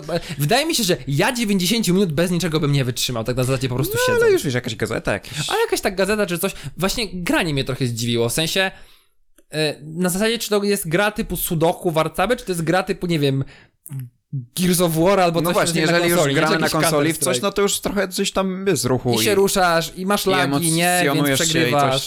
No, że nikt... A, to myślę, że coś bardziej staty- Też mi tak wydaje, że typu właśnie jakiś Sudoku. Możesz sobie układać pasjansa. O, ewentualnie. No, w każdym razie. I w czasie tego siedzenia są trzy okresy, wiadomo. Początek 30 minut, 60 minut, 90 minut. I w każdym z tych okresów mierzone jest ciśnienie, tętno, temperatura ciała i ciśnienie parcjalne tlenu. Bo ciśnienie parcjalne tlenu y, mówi o nam, jest związane bezpośrednio z natlenieniem. Z tego, co zdążyłem się wyczytać. I, i jest tak, że na początku nasz badan, bada, badana, ba, nasza badana osoba zakłada albo zwykłą koszulkę, albo koszulkę z ciliantu i teraz dostaje ją losowo. I po tych 90 minutach jest chwila przerwy na, nie wiem, siku, papu, cokolwiek. Zakłada drugą koszulkę i znowu siedzi półtorej godziny i czyta albo sobie gra. Jeśli chodzi o wyniki, to jest trochę większe, e, znaczy jest małe, ale według autorów znaczące zwiększenie ciśnienia skurczowego krwi, czyli faktycznie ta krew będzie ci przepływała szybciej. Ja przypominam cały czas, to jest po prostu przy siedzeniu. Założyliśmy inną koszulkę. Y, Ciśnienie rozkurczowe, tętno i temperatura skóry jest bez zmian. Ciś- średnie ciśnienie parcjalne tlenu, które jest równe, znaczy odpowiada gdzieś tam, jest związane z natlenowaniem, jest większe o 6 do 10% w każdym punkcie pomiaru. O, i, i tu jest właśnie to. Chwyt siły, wzrost siły uchwytu w dominującej ręce po 90 minutach o 12%. No i to jest to, wow. I to, I to jest, wiesz, oni założyli normalną koszulkę, nie żadną kompresyjną. Mhm. Tu, tu, tu się reflektuje od razu do tego, co powiedziałem wcześniej. To nie było kompresyjna koszulka, tylko normalna. Założyliśmy normalną koszulkę i o, siłacz, nie? Od razu. Wow. Jakby dla mnie to jest niesamowite. Drugie statyczne badanie było bardzo podobne, że też siedzimy 90 minut i czytamy, ewentualnie gramy. Yy, I później mamy tak samo, jedną koszulkę normalną, z normalnego petu, drugą koszulkę yy, szarą, i jest coś takiego, ja tam widziałem te koszulki, to też były normalne koszulki, one nie były jakieś tam kompresyjne, przynajmniej na zdjęciu tak mi, jak mi się wydawało. I, I też 90 minut sobie siedzenia, 15 minut przerwy i to samo 90 minut siedzenia. I tak samo, każda, każda koszulka jest przydzielana losowo. Mamy pomiar temperatury ciała, saturację tlenową, czyli jak dużo tlenu jest w tym, w, we krwi i ciśnienie parcjalne tlenu. I tutaj mam dwa wykresy i takie ogólne zależności wychodzą na tym, że zarówno dla kobiet, jak i dla mężczyzn to ciśnienie parcjalne wzrasta. Yy, przy, przy okazji tak, w obu koszulkach wzrasta, bo tylko, że dla tych koszulek z y, dodatkiem tych ceramicznych materiałów ta wartość jest większa w każdym punkcie pomiarowym. Okej. Więc widać, że to gdzieś działa. Natomiast z drugiej strony badacze podeszli do tego, że okej, to spróbujmy zrobić tak, że w sensie jest badanie, jest pokazany wykres. Na początku, nie wiem, zakłada jedną koszulkę, jak to idzie, i później zakładamy drugą koszulkę. Na zasadzie nie, że tylko jak danej koszulki, tylko czy jest ten F, czy, ten, czy zmiana tej koszulki też się na to wpływa. I teraz tak, jeżeli mamy sytuację, że zakładamy najpierw koszulkę mm, tą zwykłą, bez dodatków ceramicznych, a potem z tymi dodatkami ceramicznymi, to jest tak. Rośnie, rośnie, rośnie, rośnie, zmiana, ko- zmiana koszulki, rośnie, rośnie, rośnie, rośnie. Jeśli zaczęto od tej koszulki teoretycznie lepszej, to jest tak, rośnie, rośnie, rośnie, spadek, zmiana koszulki i znowu rośnie, rośnie, rośnie. I generalnie, gdybyś, gdybyś miał punkt startowy i punkt końcowy, to idąc od koszulki zwykłej, zmieniając na tą lepszą, masz wyższą wartość końcową niż zaczynając od lepszej, a kończąc na gorszej. Okej. Więc też yy, masz taki jakby, wiesz, taki ząbek, nie? Mhm. I ten. Więc faktycznie to działa. I jeśli chodzi o jakieś tam dane statystyczne, to zwiększyła się temperatura ciała w przypadku tej koszulki trochę lepszej i zwiększyła się też ta saturacja tlenowa. Ten wynik teoretycznie jest mały, bo to jest 98 do 98,4, ale ty, wiem, że ta saturacja tlenowa sama w sobie małe wartości się, wiesz, to małe wahania, nie? W sensie to tam ma krążyć koło tego, tych 98, więc to jest podobno znacząca różnica. Ja się tutaj niestety nie znam na tych takich bardziej medycznych, zdrowotnych sprawach, więc wierzę publikacji, że jeżeli jest Bo napisane... saturacja to nie jest ilość tlenu, tylko jak mamy jakąś daną, daną ilość hemoglobiny, to to jest wysycenie tej hemoglobiny okej, tlenem. mhm. Wysycenie. Więc jeżeli mamy mało e, hemoglobiny, to nawet wysoka saturacja nie sprawi, że mamy nagle dużo tlenu. Rozumiesz? Mhm. Albo na przykład, gdy mamy mało he- hemoglobiny, to łatwiej nam e, wysycić całkowicie Okej, e, tę hemoglobinę. Jeżeli mamy jej dużo, czyli mamy dużo czerwonych krwinek, Mhm. kobiety na przykład mają statystycznie zdecydowanie mniej, e, no to, no to to wysycenie, no czaisz o co chodzi. mhm, tak. Więc saturacja to jest wysycenie. A to, co mówiłeś o ilości tlenu, to lepiej może świadczyć ciśnienie parcjalne, chociaż też nie do końca. Czy ciśnienie parcjalne jest tym takim, ojej, już nie pamiętam teraz. W sensie ja wiem, że ono wpływa na natlenowanie ogółem Tak. samo w sobie tych tkanek. W sensie im większe ciśnienie parcjalne, tym masz lepsze natlenowanie. Tak, przynajmniej takie coś znalazłem. Bo to jest jak gdyby już przełożenie, mm, mamy jakąś daną tkankę, ilość tej tkanki Mhm. i e, jak wiele wtłaczanego jest tego tlenu do tej tkanki. Okej. No, coś takiego. No i dobra. Wtłaczane jest dobre, no bo to jest ciśnienie. To, to, to jest dobra analogia w ten sposób, Okej. tak mi się wydaje. I trzeci test dynamiczny, czyli czy ta koszulka działa, jeżeli faktycznie ćwiczymy. I to jest, to jest badanie, które jest wykonane już tak ty, typowo wytrzymałościowe. W sensie procedura wygląda tak. Zakładamy strój, znowu losowo przydzielony i całą aparaturę pomiarową. Mamy ten test wytrzymałościowy, czyli po prostu ćwiczymy, dopóki nie stwierdzimy, ok, done deal, mamy dość. Jest tydzień przerwy, przy czym, no jest powiedziane, jest prośba do kandydatów, żeby się zachowali. Taką samą dietę w miarę, taki sam styl życia. No wiadomo, żeby nie było jakoś tak, że. Że, Że coś się zmieniło Tak, że nagle. coś się Mhm. mocno zmieni i na przykład kondycja. Znaczy, zacznę, nagle zaczniemy biegać przez cały tydzień i nam się super kondycja poprawi. I znowu, drugi strój, też losowo, w sensie ten drugi w stosunku do tego, jaki założyliśmy pierwszy, no i powtarzamy procedurę.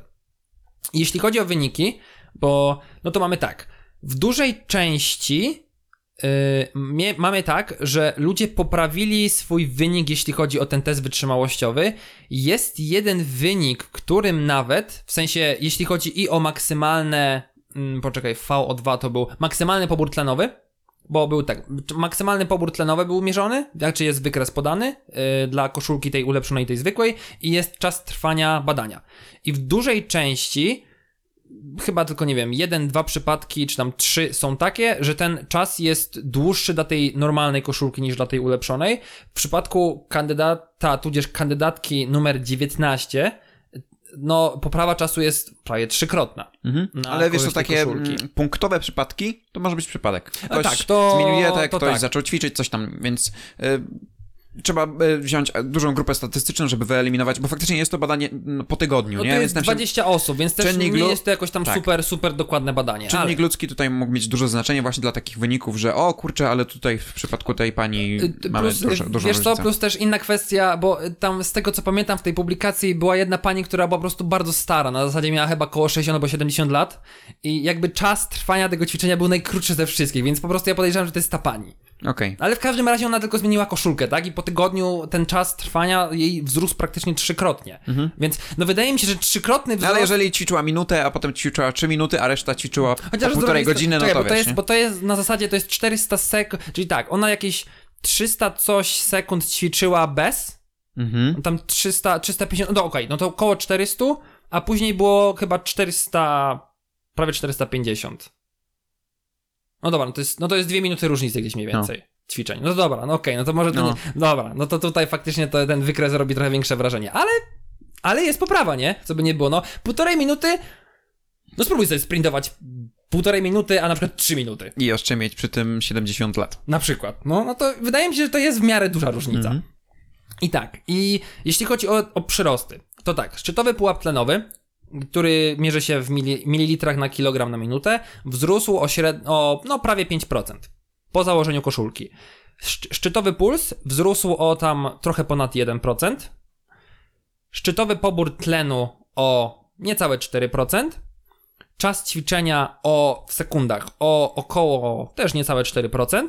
Natomiast czas progu beztlenowego, czyli Czyli kiedy zaczęło się oddychanie beztlenowe. tak, Mhm. no to o prawie 11%. Mhm. To wydaje to jest Dobrze. duża różnica. To Dobrze. widać, że ten widać, że to koszulka Ja tak trochę czekam, działa. aż przyjdziemy do wniosków, bo ja mam parę swoich wniosków, I to, które... będzie, I to już właśnie, to jest koniec, jeśli Aha. chodzi o ten, o to badanie. W sensie, jeśli chodzi o, o Ciliant, już, bo to są, bo to wszystkie publikacje, które tutaj, te badania, które brałem, to już są badania wewnętrzne Ciliantu, z tego Mhm. co mi się wydaje. Czyli tej firmy, która stworzyła tę odzież i z którą Under Armour współpracuje, żeby Więc zrobić też swoją warto odzież. mieć na uwadze, że oni robią te badania też po to, by gdzieś marketingowcy mogli wrzucić tyle i tyle procent zrobiliśmy. Tak, to jest, to jest, jest badane. uwaga. Tak, Naukowcy wykazali, że tyle i tyle procent, nie? Jeśli- Więc warto mieć to na uwadze. Jeśli chodzi o, o sam Under Armour już raz, te, te linie odzieży, bo też gdzieś starałem się jakieś in, w internecie opinie wyłapać, czy to jest dobre, czy to nie jest dobre, to tak naprawdę poza tym, że to jest trochę bardziej komfortowa bielizna, gdzieś po prostu, że się lepiej dopasowuje do kroju, no to, to tak naprawdę nic nie znalazłem. W sensie, no, jeśli oni faktycznie mówią, że to jest 1% więcej, no to nie wyczujesz tego tak naprawdę, wydaje No nie wyczujesz, to musisz ze stoperem coś zrobić, albo faktycznie, no mieć, no musisz mieć e, badanie przed i badanie po. No, Więc musisz mieć idealne takie same warunki, żeby tego nic nie zaburzyło, nie? Wydaje mi się, że większe wrażenie właśnie może robić ten but y, na zasadzie z poprzedniego odcinka, ten Nike Vaporfly 4%, że faktycznie każdy biegacz, który tam biegał w innych butach i w tych Nike'ach, zyskiwał tam 4% lepszy wynik, bo 4% już faktycznie jest wartością, która no raczej nie weźmie ci się tak, wiesz, tak, bo po prostu akurat lepiej ci się dzisiaj pobiegało. Natomiast tutaj ten 1% będzie trudniejszy i, i to może być kwestia albo właśnie faktycznie się poprawił ten wynik, albo to może być kwestia placebo, nie? No bo o, czuję się trochę wygodniej. Ale wiesz, no nie wiedzieli na pewno szybciej. podczas tego badania, jaką mają bieliznę. Yy, to znaczy podczas badania tak, ale to już jest na zasadzie, jak już mówię o tych recenzjach yy, A, okej, użytkowników. dobra, W sensie, bo Under Armour też oczywiście kampania marketingowa, nie? No. Bla, bla, bla, bla. Bo w ogóle też te produkty nie są sprze- sprzedawane tak czysto sportowo. Bo Cillian też ma tą odzież na zasadzie, tam są badania już tak bardziej biologiczne. Mhm. W sensie... Yy, jest w ogóle stworzona taka odzież, na zasadzie masz taką piżamkę, która też tam wpływa ci na sen i też jest y, badanie, które y, ja nie zdążyłem go przeczytać, bo też stwierdziłem, że chcę się bardziej trzymać już w kategorii sportu do poprzedniego odcinka, robiąc sobie takie przedłużenie, ale też jest publikacja, która mówi o wpływie tego typu odzieży na, szczu, na sen szczurów. Znaczy ja nie wiem, czy po prostu ubierali szczura w piżamę, czy na zasadzie dali mu takie Jeszcze taką fajną szlafmycą. tak z takim ogonkiem i uszami szczura, nie? Tak, tak, tak. Tak, ubrali szczura w piżamkę szczura. Z takim ogonkiem, z, z pokrowcem na ogon. Ale w sensie, bo poza takimi piżamkami, bo też Under Armour zrobił coś takiego jak chyba B12, czy tam TB12, w każdym razie zrobił też taką odzież na zasadzie piżama, Mhm. która też ma teoretycznie wspomagać, zakładasz ją i też ma te w sobie te różnego rodzaju ceramiki w strukturze i też ma wspomagać twój sen. W sensie wiadomo, no, ro, ro, lepsze natlenowanie, dokładnie ten sam mechanizm i on cię ma wpływać na sen. Mhm. I tak samo na przykład jest prześcieradło z tego materiału i też ma tam wpływ, wiadomo, no wszystko, nie? Niedługo będzie kołdra, poduszka, materac z samowijką i tak dalej, i tak dalej, więc to jest po prostu jakiś trend. Ale wydaje mi się, że to może być całkiem wdzięczny materiał na, na, na poszewkę. Na. E, też mi się tak wydaje. Ogólnie na przykład na, na piżamkę, na poszewkę, na cokolwiek, nie? W sensie, no nic cię to, znaczy no nie kosztuje cię poza wyższą ceną, do której zaraz przejdę, też, tak na sam koniec i no i też jest na przykład skarpety, które są z tego zrobione z tego materiału, też jest dowiedzione, że pacjentom poprawiło się chorym na tam, jak mają powikłania stopę cukrzycową. Okej. Mhm. I też jest, że od noszenia samych skarpet i tej regeneracji mięśni i tak dalej, w sensie ten przepływ krwi, mają lepszą regenerację i ten, ta choroba jest trochę lepiej leczona. W porządku. Więc faktycznie muszę przyznać, że ja bardzo optymistycznie podszedłem do tych badań. Nie tak na zasadzie, że a, firma sobie wybrała, wiesz, zrobienie ten. Powiedz zrobienie... mi, czy jest jakaś taka, mm, taka odpowiedź w świecie naukowym, w ogóle nie może konkretnie na ten dany produkt, Mhm. tylko w ogóle na badania takich bielizn czy takich e, materiałów, które oddają prze, poprzez to promieniowanie energię do naszego ciała. To znaczy są badania. Coś, coś są wiesz, badania takiego na temat niezwiązanego z Under Armour. Yy, są badania na temat samej terapii IR i są badania na Mhm. temat wpływu tego promieniowania podczerwonego Dobra, na dobra, sam w ten ten. sposób. Mhm. Więc generalnie, żeby nie było, podstawy naukowe są. To nie jest tak, że nagle wchodzimy z jakimś produktem i szałpał, tylko to jest na zasadzie z Jest jakieś zjawisko, technolo- więc spróbujmy je wstawić do naszego produktu. Tak, spróbujmy, są badania, po prostu przenieśmy urządzenie, które wiesz, yy, na zasadzie zróbmy z, taką saunę podczerwoną, ale zróbmy z tego koszulkę. Jasne. Przynajmniej ja do tego tak podchodzę, ja do Mhm. tego rozumiem. I te badania faktycznie może jest pewien odsiew wyników Mhm. I że jest to korzystne, ale no yy, w sensie no na, na coś to działa. Jasne. Czy, czy my już przechodzimy do wniosku? Tak, w sensie jakby o sam Under Armour już skończyłem, chciałem przejść do dyskusji. W sensie też teraz tak, Aha. bo jak patrzyłem na tą, na ta piżamka, bo tak myślałem, a może sobie kupię piżamkę, nie? No. Od Under Armour, bo, bo, bo czemu nie? Bo miałem tam ich jedną koszulkę termoaktywną i ona się naprawdę bardzo fajnie sprawiała. Naprawdę to na zasadzie ściągam tę koszulkę i serio, jestem cie, cieplejszy, ale nie jestem mokry. W Mhm. sensie ten pod jest super odprowadzony. Mimo, że wiesz, koszulka oczywiście taka, nazwijmy to mokra szmata, nie? I ten. Ale naprawdę fajnie to działało. I to jest zresztą jeden z liderów, jeśli chodzi o taką odzież kompresyjną i termoaktywną. Ale ta piżamka kosztowała chyba 300 albo 400 zł, więc stwierdziłem, że No, jak tak. na piżamkę to chyba trochę dużo. I właśnie, i taki, i czy ja bym to kupił, jakby mi ktoś zadał pytanie? No nie, no bo mi to niepotrzebne. W sensie, jakbym był super profesjonalnym sportowcem, to bym się zastanowił. Mhm. Ale poza tym to jest produkt, który nie jest w ogóle do mnie skategoryzowany. I zresztą ja robiłem, ten temat wywiódł się z tego, że ja to kiedyś zrobiłem na jedną konferencję. Mhm. Ja nawet miałem plan, żeby spróbować, bo yy, żeby tak, spróbować to zobaczyć jakieś widmo podczerwone, jakie to, nie wiem, czy emituje, czy nie. Tak myślałem, jakby to zrobić. Myślałem też, żeby ojej, uciąć kawałek i dać to na analizę EDS. No bo Żeby zobaczyć, jakie tam jakie tam są te minerały? W sensie, jakie są pierwiastkowo, nie? No bo minerałów za bardzo nie wykryję, tylko tak po pierwiastkach mogę się domyślić, bo oni tylko podali tak. Y, SIO2, a AL2O3 i podali tam chyba jeszcze y, tlenek tytanu. I podali Okej. tylko te trzy, a wiesz, a w ulotkach, w broszurach Że tam jest 15, 13, 13 tak, materiałów, nie? I też byłem ciekawy, Dobrze, co tam, co tam Adrianie, siedzi. do- oddaj mi na sekundę mikrofon, bo Dobrze, ja muszę proszę. zdradzić e, tajemnicę tobie, Okej. jak i naszym słuchaczom, bo ja w dużej części już to słyszałem, No tak, to prawda. bo Mhm. no właśnie, nie, nie byłem pewien, czy to pamiętasz, czy wiesz o tym, że ty mi już to poniekąd opowiadałeś. Znaczy, mówiłem o tym na kole naukowym, nie? Tak jest. Tak. I, i, I wtedy przedstawiałeś to w zupełnie inny sposób i ja wtedy tego wewnętrznie nie potrafiłem zaakceptować i coś mi tam śmierdziało. Dlatego, że wtedy przedstawiałeś to 1% energii, które e, odzyskujemy na podstawie samego ciepła. To znaczy, że e, e, my sobie działamy w tej, w tej bluzce i ona mm, łapie to ciepło i nam oddaje z powrotem. Żebyśmy my odzyskali tę energię, ale na drodze ciepła. Tak, I co okej. mi się nie zgadzało, to to, że my, gdy biegamy, celowo się pocimy, celowo zużywamy jakieś tam nakłady naszej energii po to, żeby oddać to ciepło. Tak, właśnie też o tym myślałem. Co z termoregulacją, nie? Bo my teoretycznie pocimy się po to, żeby się nie przegrzać, a w tym momencie tak jakby dokładamy sobie tego Mhm. Więc trochę. ta bluzka, jeżeli ona by oddawała nam po prostu ciepło, to byłby główny mechanizm, że ona po prostu nas ogrzewa. Bierze Mhm. to nasze ciepełko, które my wy- wy- wyrzuciliśmy z siebie przez e, pracę, bierze to ciepełko i, i wraca nam.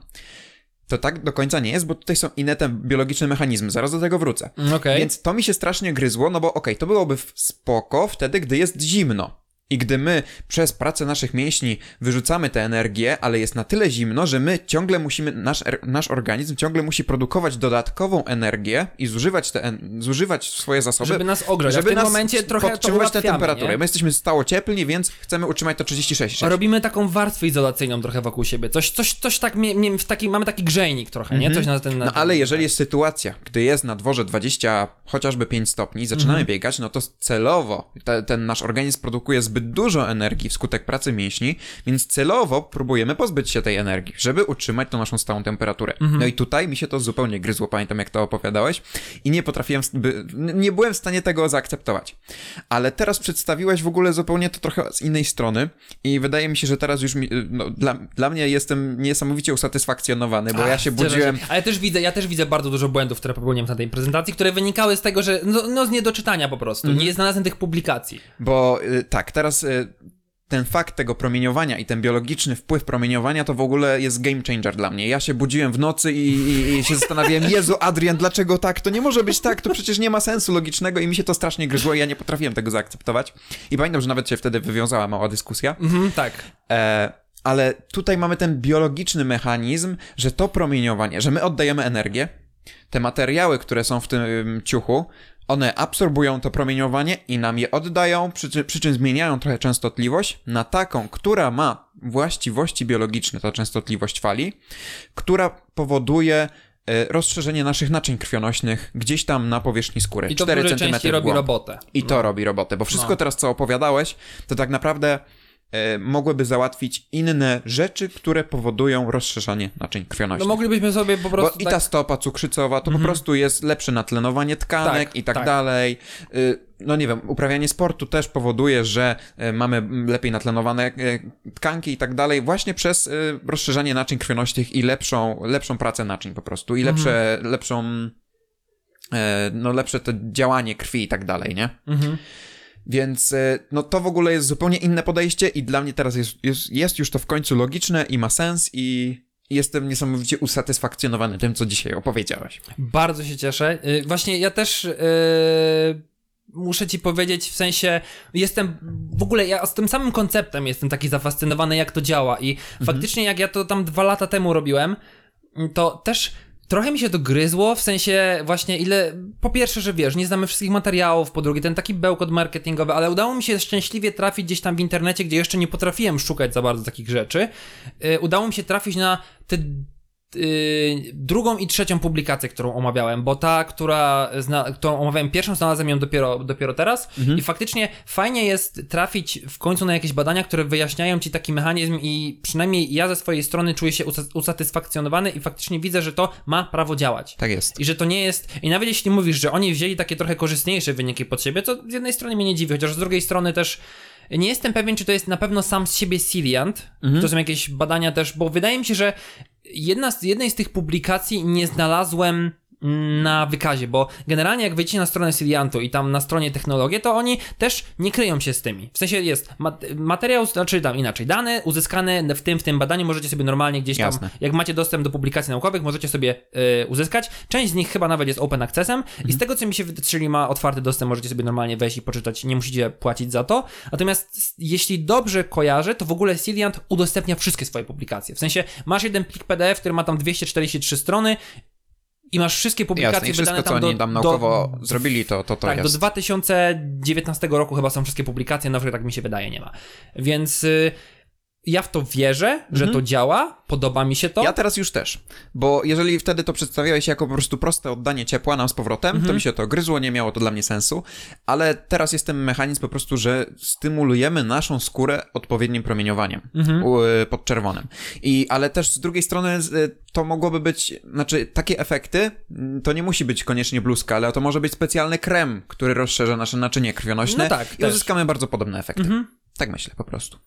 No, Coś w tym jest, no tylko, że Bo to wszystko, co opowiadałeś, to, to wszystko są mechanizmy po prostu odpowiedzialne za to, że mamy lepsze y, ukrwienie naszych tkanek. Tylko wiesz, no krem na, nasmarujesz się wcześniej, nie? Przed tym, przed y, zawodami, a potem co? A potem, no zaczniesz się pocić, to z ciebie spłynie, nie? I będzie tworzyło No taki przy no wiesz, znaczy no- zależy oczywiście od składu i formuły, No nie? tak Ale strzeliłem, ale wiesz, jakikolwiek mechanizm, który powodowałby rozszerzenie naczyń Takie, no, krwionośnych... wie, wielki samochód z lampą, który za tobą chodzi, nie? Tak cię Tak. oświetla tym promieniowaniem. Tak, i niekoniecznie to musi być promieniowanie, nie? Tutaj I- akurat... Prom... Aha, bo, bo to jeszcze powiedziałem coś. Powiedziałem, że sildenafil, czyli ta Viagra, Mhm. y, A, bierzemy stymuluje- przed zawodami i lecimy, nie? stymuluje to wydzielanie tego tlenku azotu, Mhm. to dobra, to, to nie jest prawda, bo on powoduje, że po prostu dana porcja tlenku azotu ma silniejszy efekt. A, okej, dobra. Więc tak nie chciałem, bo to jest Okej. też. Nie chciałem pope- popełnić błędu, a po co się poprawiać gdzieś za tydzień czy tam za trzy tygodnie, bo nikt tego już nie będzie pamiętał. To tak, tak się już od razu szybko sprostuje. Okej, i na sam koniec, Patryk, od razu pytanko dla ciebie. Właśnie, czy byłbyś w stanie taki produkt sobie kupić? I Tak, nie absolutnie. I nie mówię jako- konkretnie, wiesz, o odzieży sportowej. Typu właśnie, nie wiem, prześcieradło, skarpetki, kołderka, coś w ten Ja myślę, że to jest, jest świetna sprawa. Ja Naprawdę, bardzo jestem chętnie tym sobie konceptem. taką, ja chciałem sobie I taką czy- piżamkę kupić. Właśnie, chciałem powiedzieć, że mm, czy poszewka, czy piżama, czy, czy może nawet, mm, wiesz, na taki sezon zimowy jakiś t-shirt, który noszę pod spodem gdzieś tam, pod, pod kurtkami i tak dalej, to wydaje, wydaje mi się, że to jest całkiem ciekawa sprawa. No i ja bym to też zaprzęgł do y, bielizny termoaktywnej po prostu, nie? Tak łącząc to. No, bo No. tutaj to niekoniecznie, w tych badaniach to niekoniecznie była bielizna termoaktywna, nie? Tak, y, w ogóle jakby ktoś pytał właśnie jeśli chodzi o cenę, bo o tym też miałem powiedzieć, ja, bo ja sobie tego nie wypisałem i dopiero dzisiaj mi przyszło do głowy, że w sumie ej, ile to kosztuje. Znaczy tak, mówiłem o piżamce Under Armour, że tam 400 zł. Taka typowa bielizna termoaktywna to jest na zasadzie 150 do 300 chyba, w zależności od tego, czy wiesz, to ma być zwykła koszulka, czy tam te getry Jasne. krótkie, kró- krótkie, dłuższe. Natomiast tak, takiej bezpośredniej odzieży Siliantu, to przyznam też nie szukałem zbyt dużo, po prostu spróbowałem wpisać to w polskim Google i cokolwiek znaleźć. Znalazłem tylko kurtki. Takie z tą membraną w środku, czy coś w ten deseń i one Okej. kosztowały od 800 do ponad 1000 złotych. Także nie Ale wiem, wiesz, to już jest dosyć ciekawa sprawa, bo, bo oni, znaczy to się tam w ogóle nazywa chyba jakoś Tilwool Cilian, coś w ten deseń? jeżeli to jest kurtka, no to są jeszcze jakieś warstwy odzieży Mhm. pomiędzy naszym ciałem a kurtką. To nie jest bezpośrednio przylegające. I pytanie, czy y, tam gdzieś to promieniowanie nie zostanie po drodze zaabsorbowane. Zależy... A druga rzecz, która mi wpadła do głowy, to jeszcze ci przerwę, to to, że woda świetnie, promie- y, świetnie absorbuje promieniowanie podczerwone, więc jeżeli się intensywnie pod taką bluzką spocimy, to tego promieniowania wcale dużo nie może, nie musi dotrzeć do naszej skóry. Dlatego to, ta kompresja też wydaje mi się takie duże, e, dużą rzecz. Mhm. To robi. musi być, Bo moim to zdaniem... musi przelegać. Tak. Znaczy inaczej, im lepiej będzie przelegać, tym lepszy efekt będzie. Mhm. Natomiast od razu mówię, na, tych, na temat tych kurtek też nie chcę się wypowiadać, tylko to znalazłem, co Mhm. jest na pewno dostępne do kupienia od tak, od ręki. Być może jakaś piżamka albo, albo wykorzystująca materiał Ciliantu, tylko innej firmy jest, no bo oczywiście, no mówię, Under Armour to nie jest jego technologia, tylko on się sprzęgł z, Cili- z Ciliantem. I po prostu on zaprzęgł tę technologię, dopasował ją trochę do siebie i, i zrobili z tego biznes. Więc istnieje szansa, że są materiały, które wykorzystują tego typu materiały, ale to nie jest bezpośrednio Ciliant. Chociaż to, co z wodą powiedziałem, no to może akurat to promieniowanie, bo nie, nie pamiętam zakresów, które woda, znaczy jakie promieniowanie konkretnie absorbuje woda, więc może jest tak, że te promieniowania, te zakresy się nie pokrywają. 3000, sz- chyba 300, to jest trochę poniżej, powyżej 3000 nano, nanometrów jest. Ale dla wody. Skala podczerwona, tak, dla wody. No dobra, no niemniej jednak, ja nie wiem. No, dokładnie. Więc, y, no i to w sumie tyle. Więc Super. jeśli jesteście, mam nadzieję, że wam się podobało. Mnie się, mnie się mega podoba ten temat, naprawdę. Mnie też, naprawdę to jest bardzo ciekawa rzecz i jeszcze bardziej jestem ciekawy, żeby to kiedyś faktycznie sprawdzić, jak wygląda promieniowanie i Jak ktoś chce mi coś kupić, to serio, taka piżamka w rozmiarze L, interesują mnie kwestie tego, jak e, to promieniowanie jest wypromieniowywane, czyli czy trafia tylko do naszego ciała, Mhm. czy na zewnątrz też jest wypromieniowywane. No raczej nie da się jakoś tak tego Znaczy tam są skierować. materiały, które teoretycznie mają zwiększyć jakąś refleksyjność. Mhm. Istnieje szansa, że nie wiem jak to w szczegółach technicznych to jest zrobione, ale być może jest jakiś sposób przędzenia, No który właśnie, sprawia, że że od to, to wewnętrznej się tak strony troszeczkę... ten materiał... Więc takie rzeczy mnie interesują. Mhm. Tutaj szczególnie, które można by było gdzieś tam To sprawdzić. już jest chyba to zbyt, zbyt y, deep, nie? Zbyt głębokie, żeby Mhm, się tak. tym chwalili jakoś tak. Chociaż, Tak, tak. albo to po prostu kwestia trochę większego poszperania w internecie. Ale wydaje mi się, że tak technologicznie to wygodniej po prostu będzie wszędzie to wsadzić i niech sobie część po prostu promieniuje na zewnątrz. Nie, mi się a... wydaje, że mi się wydaje, że zrobienie z tego na zasadzie, wiesz, takiego, takiej struktury, że ty to będziesz ładować w konkretne miejsca, może być trochę za drogie. No W właśnie, sensie już, no właśnie. już, bo to jest, bo ja ci mówiłem, nie? To, Dużo prostsze i łatwiejsze jest po prostu zrobienie tego na całym materiale bo oni i równomiernie. włókno, Mhm. dodali minerały, No właśnie. 800 stopni, 2,5 godziny, koniec, nie? I dalej robią z tego w- włókna, więc mi się wydaje, że to jest na zasadzie właśnie bardziej, że co tam ci wyłapie, no i to jest, wiesz, domieszka na zasadzie 1,22%, nie? Całej masy. Jasne, jasne. Więc to też jest, więc to też raczej wydaje mi się, jeśli ktoś wie, to niech mnie sprostuje. Może jest jakiś, nie wiem, Polak pracujący w Ameryce, który robi w Siliancie, niech mnie ktoś sprostuje, ale wydaje mi się, że to jest właśnie na zasadzie, że dodajemy trochę do konkretnej mieszanki i później robimy z tego włókna Mhm. i niech tam się to dzieje, co chce. Super, ja jestem zadowolony Ja naprawdę. też. Koniec. Koniec mojego tematu. Patryk, no to teraz czas na mniej śmieszków. Dobrze, Tali, Talidomid to jest mój bohater, został urodzony w 1950 roku. Chciałem specjalnie tak sobie to za, tak zacząć, bo ja często zaczynam w ten sposób jakieś moje tematy, bo mam często o jakiejś osobie, więc mówię ta pani i tak urodzona, czy ten pan i tak odcinku, lajkra. Więc tak, więc talidomid to jest bohater urodzony, czyli, te, czyli ten e, lek powstał w, tyś, w latach 50. e, ubiegłego wieku. No i zacznę w ogóle od e, kontekstu historycznego, tak żeby zaznaczyć e, całość, jak to tutaj wyglądało. I w tych czasach, w tych latach 50. Przemysł farmaceutyczny złożony był z firm, które niekoniecznie zajmowały się tylko i wyłącznie farmacją. Nie Ale były, w sensie, masz na myśli, nie wiem, produkowały narkotyki na boku, czy... nie, nie, mam na myśli, że y, na przykład, y, nie wiem, produkowały jakąś chemię gospodarczą albo coś takiego. Aha, okej, dobra, czyli proszki do pranka. Na przykład. pro- no, to- Zapraszamy do odcinka chyba trzeciego? trzeciego. Tak, chyba tak. e, w tych czasach również prawodawstwo było też e, dosyć luźne, jeśli chodzi o rozwój i tworzenie leków, również jeśli chodzi o taki marketing i jeszcze dodać? kontrolę tego. No, Bo ten, ta odzież Ciliantu, ona jest zarejestrowana przez FDA. patrz, i teraz ktoś kliknął, Przepraszam, Ktoś cicho. kliknął w mój temat i co, jakie, co, jaki Siliant, jakie, co, o co chodzi? Widzisz. No, e, z tego co dobrze wiem, jest zarejestrowany przez FDA jako chyba wyrób medyczny, albo coś, co generalnie ma jako do terapii jest Okej, to u mnie FDA się jeszcze pojawi w temacie na pewno. Okej, dobra. Ale to też tak zaznaczyć, że to nie jest tak komercyjnie tylko, ale Mhm. też jest faktycznie, ma to, w sensie, jeśli dostało certyfikację od FDA, to znaczy, że faktycznie Jest sprawdzone i jest działa. sprawdzone i Nie działa. jest ściema. Dobrze, w porządku.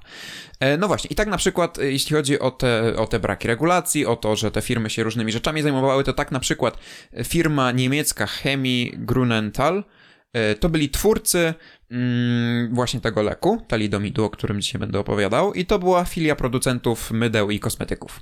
Okej. Więc zrobili lek, ale ogólnie zajmowali się w tych czasach e, mydłem i kosmetykami, więc. E, więc tak to wyglądało w tamtych czasach. Nie było takiej bardzo ścisłej specjalizacji, przynajmniej nie wszędzie. W tych czasach e, nowe leki, takie, które wtedy powstawały, w dużej części były prostymi produktami na bazie surowców natura- naturalnych. Okej. I na przykład wtedy dopiero zaczynała się taka, powstawała mm, duża nowa część rynku. Mm, To były, no, no i bardzo intensywnie rozwijały się anto, antybiotyki. I to była taka nowa rzecz, to po wojnie y, wiele takich różnych antybiotyków powstawało i to były mm, takie pierwsze też często y, syntetyczne związki i to dopiero tak, można powiedzieć, raczkowało. Tak? Ja się zastanawiam trochę, bo ja wiem, że patrzenie tutaj przez pryzmat teraźniejszości jest krzywdzące, może krzywdzące, zaburza pogląd, ale ja się zastanawiam, że jak w tamtych czasach ludzie postrzegali leki, w sensie wiesz, z jednej strony, no jakby dzisiaj, nie? Okej, no dzisiaj e, firma robi mydło i coś tam, typu na przykład powiedzmy mydło i buprom, a z drugiej strony kupisz sobie i buprom jako, wiesz, lek na, na ból głowy. Wiesz, ten sort, nie? No dzisiaj, w dzisiejszych czasach wydaje mi się mogłoby być trochę ciężkie, że Big Pharma produkuje mydło, Big Pharma produkuje płyn do y, płukania naczyń, nie, czy tam do mycia naczyń, czy coś, a z drugiej strony super zaawansowany lek. Wiesz, no przykład... wiem, że pewnie mentalność ludzi była wtedy inna po prostu, wiesz, cokolwiek, co ci może pomóc w tamtych czasach, bo to mówiłeś zaraz po wojnie, nie? Jednak. y, Lata 50. No to, no to niedługo po wojnie, więc ludzie raczej dopiero się jeszcze otrząsają, więc to może być na zasadzie, okej, wezmę, bo mi po prostu pomoże, nie? I, i tyle, a Tak, nie, że, tylko że mam na takim prostym poziomie, gdzie byliśmy jeszcze, jeśli chodzi o farmację, jak byliśmy w tych latach 50., nie wiem, no to produkcja aspiryny to nie było dużo bardziej inne niż produkcja jakiejś e, substancji chemicznej, jakiegoś substratu do reakcji chemicznej i tak dalej, nie? Bo to jest dosyć prosty związek i, i e, poza tym, że chcemy, żeby to był czysty związek i nie za- zanieczyszczony niczym, no to na, na wiele więcej nie musieliśmy zwracać uwagi, nie? Mhm. E, no dobrze, więc e, w tamtych czasach też tak naprawdę tworzenie leków nie wymagało wielkiego, takiego dużego naukowego podłoża. To był trochę taki przemysł przemysłowy, że tak powiem. Wiesz, Okej. o, wiesz o czym mówię? Trochę jak, no nie wiem, tworzenie farb czy czegoś tam. Aha, w ten, okej, dobra, jasne, jasne. Jasne. Mhm. E, więc, e, no właśnie, i przykładem, czy jakimś takim dowodem na to może być to, że szef badań, no może to nie był do końca szef, ale jedna osoba odpowiedzialna za badania w tej firmie Chemii Grunenthal i która była głównym twórcą czy odkrywcą tego leku, o którym będę opowiadał, czyli William Kuntz, on nie był naukowcem, to znaczy nie miał wykształcenia naukowego, a opracował ten, czy, czy wynalazł ten lek. A wiadomo, kim był z wykształcenia? W sensie, no bo to zakładam, że nie był, nie wiem, murarz albo coś. Wiesz co, nie sprawdzałem, ale on był asystentem szefa badań w tej firmie, z Aha, okej, kojarzę. ale czyli pewnie jakieś tam doświadczenie zgarnął i miał Mhm, się, mia, mógł się w jakiśkolwiek Ale sposób stricte nie wiem, no nie był farmaceutą czy coś Okej, takiego, nie? okej. E, no właśnie, dodatkowo w tych czasach te syntetyczne leki to była nowa rzecz. Wtedy był to taki początek rynku syntetycznych leków, więc czaiły się tam duże pieniądze. Zaczęliśmy A, no produkować tak. i czaiły No. się duże pieniądze, więc była pokusa, żeby dużo wydawać, żeby, żeby jak coś już opracujemy, no to żeby to wpuszczać na rynek i tak dalej, nie? E, jest, Pewnie nie było też takiego na zasadzie, wiesz, badania kliniczne, jakieś tam super były, ale testów, były zupełnie albo... na innym poziomie i o tym jeszcze będę opowiadał. Okej, Y, Jeśli chodzi o to, co wtedy miało wzięcie na rynku farmaceutycznym, no bo to było takie też podejście wtedy, to ma wzięcie, no to produkujemy, tak, nie? to chcą konsumenci, analogii. to to będziemy dawać, nie? No teraz już to trochę inaczej wygląda. Więc y, na rynku w latach 50. dużą popularnością cieszyły się leki nasenne. I szacuje się, że jedna na, czy jeden na osiem leków, które były przepisywane, czy, czy jeden na osiem przepisywanych leków na receptę, to właśnie były środki nasenne. Także całkiem sporo, nie? Jeden No, na osiem. no. Jeżeli tam, nie wiem, mamy cukrzyków i tak dalej, no jakieś takie, no jest wiele lekarstw, które przepisuje się tak cyklicznie i tak dalej, nie? No Mhm. to, no to jeżeli same środki nasenne przepisywane, no to dosyć często, nie? No i takim środkiem właśnie miał być talidomid. Wypuszczono go jako nieuzależniający i niebarbituranowy środek uspokajający. To, Pytanie. to miała być alternatywa dla barbituranów. Pytanie, czym są barbiturany? Tak. E, barbiturany to były bardzo popularne środki nasenne w tamtych czasach i znieczulające przy okazji, też przeciwdrgawkowe, przeciwpadaczkowe e, i one były bardzo powszechnie stosowane w latach 50., 60., 70. W sumie taki luminal, mhm. aha, myślałem, że się Nie, zgłasza, nie, drapiesz się sorry. Przepraszam. E, taki luminal, czyli fenobarbital. Luminal to jest nazwa handlowa, mm, a fenobarbital to nazwa bardziej związku. Jest stosowany nawet do dziś, ale już nie na taką szeroką skalę jak w tamtych latach i w innych, e, jak gdyby są inne wskazania, inne warunki, bo on jest lekiem przeciwdrgawkowym. Okej. E, Ale barbiturany miały i dalej mają to do siebie, że mogą się kumulować w naszym organizmie. Co jest też istotne, to to, że bardzo uzależniają No nie i dosyć szybko. Mhm. Mm, Dzisiaj też są stosowane jako takie no, środki odurzające i tak dalej. E, I sprawę pogarsza fakt, że można wytworzyć dosyć łatwo e, tolerancję na nie. To znaczy stosujemy, Aha, stosujemy czyli, i, że coraz i więcej musimy coraz zwiększać dawkę, brać, więc okej. łatwo było je przedaw- przedawkować, Okej. a wtedy są toksyczne i nawet śmiertelne. Mm, szczególnie w połączeniu z alkoholem. No, To już w ogóle. I mm, tak, i mogłyby być na przykład stosowane też często, by popełnić samobójstwo. Nie, to jest taki, taka klisza filmowa, że ktoś bierze te y, pigułki nasenne i połyka alkoholem, nie? To takie jest często. A, że ten, okej, dobra, jasne. Żeby, żeby się, żeby popełnić samobójstwo. To tak często wydaje mi się jest w filmach, nie? Coś takiego przedstawionego. Nie wiem jak teraz, chociaż też nie oglądam zbyt dużo filmów, ale no kojarzę ten motyw. W sensie Nie? wydaje mi się... I że to właśnie nie są byle jakie lekarstwa, tylko środki nasenne. Tak, o, tak, właśnie tak. To nie jest tak, że ktoś, nie wiem, łyka aspirynę i, Mhm. i pije wódę, tylko faktycznie tam środki Więc to mogły być te coś, no. barbiturany.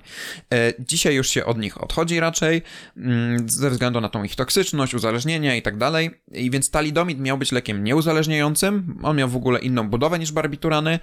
I co ważne, miał nie być i faktycznie nie był śmiertelny e, nawet przy przedawkowaniu. A barbiturany, przez to, że były uzależniające, że, że tolerancja i tak dalej, łatwo Łatwiej było je było przedawkować, a. Mhm. one przy przedawkowaniu mogły być e, toksyczne i śmiertelne. Mm, e, dobrze. No i co ważne, ten talidomid, jako ten środek nasenny, był skuteczny po prostu. Był bardzo skuteczny. Łykasz, śpisz, okej. Działało. Tak działało jak barbiturany, ale było pozbawione tych niektórych wad, nie? E, Szybko również odkryto, że ma właściwości przeciwwymiotne. E, Więc podawano e, je, te, te, ten talidomid bardzo często kobietom w ciąży na poranne mdłości. I to było bardzo częste. I talidomid y, tak naprawdę wtedy bardzo szeroko się, że tak powiem, sprzedał pod wieloma nazwami handlowymi, na przykład Distaval w, w Wielkiej Brytanii, Softenon w Europie, czy Contergan w Niemczech. To Nie są wszystko w nazwy. Polsce. Tak, to są wszystko nazwy handlowe i on trafił do łącznie cz- w 46 krajów na świecie. Także bardzo szeroko, przypominam, lata 50. U, ale kasiorę musieli zarobić na nim. E, e, tak, albo produkowali sami, albo gdzieś tam licencje odsprzedawali, nie? E, więc stał się w pewnym momencie jednym z najczęściej sprzedawanych leków e, i czemu też pomagał szeroko zakrojony marketing, bo miał taką etykietę zupełnie bezpiecznego leku, że w ogóle super sprawa. Lekarze dostawali nawet takie opakowania, takie próbki, jak się na to mówi, próbki, nie? Jak Chyba na przykład tak, ktoś tak coś za darmo rozdaje, jakieś Materiał takie jest, no, prób, tak, no, Tak, próbki. no. No. Więc, o, więc lekarze dostawali próbki, żeby za darmo rozdawać pacjentom na te, by, tym kobietom ciężarnym na poranne mdłości. Ilu kobietom podano ten lek? W sumie nie wiadomo A dzisiaj. pewnie sporo. A pewnie sporo. Oj, oj. Tak, tak. To, To zmierzamy do punktu kulminacyjnego. Ojej, to się, to się wszystko nabudowuje. Mhm. Budują napięcie i to tak nieprzypadkowo. E, I jako bezpie- zupełnie bezpieczny lek był on reklamowany aż do listopada 1961 roku. Co się wydarzyło wtedy? Y, poczekaj, jeszcze Tak. raz. Kiedy on wszedł? E, w latach, końcówka lat 50. Okej. od- On w sumie na rynku był 5 lat chyba. O, właśnie o to mi chodzi, dobra. okej. Wydaje mi się, że był po pięciu, pięć lat. Po Tak pięciu mniej latach przychodzi ten moment. Wiadomo, że w jednych krajach był szybciej, w Oczywiście, Niemczech był najpierw, mhm. potem... A tak mniej więcej, nie w sensie jak, od kiedy był tak mniej więcej stosowany, czyli 5 lat około, dobra. Mhm. E, Co się wydarzyło w tym listopadzie 1961 roku? No, lek został wycofany i zakazany. Dlaczego? Niedługo po wypuszczeniu talidomidu na rynek pojawiały się relacje o pacjentach, którzy po zażyciu leku e, wykształcali neuropatię obwodową. Czyli ich neurony, ale nie w układzie ośrodkowym, nie w mózgu, tylko gdzieś e, w obwodziach, A, czyli w okej. kończynach, w, w, w całym ciele, e, no, obumierały, czy się niszczyły i tak dalej. To były jedne, ale nie były to jedyne relacje.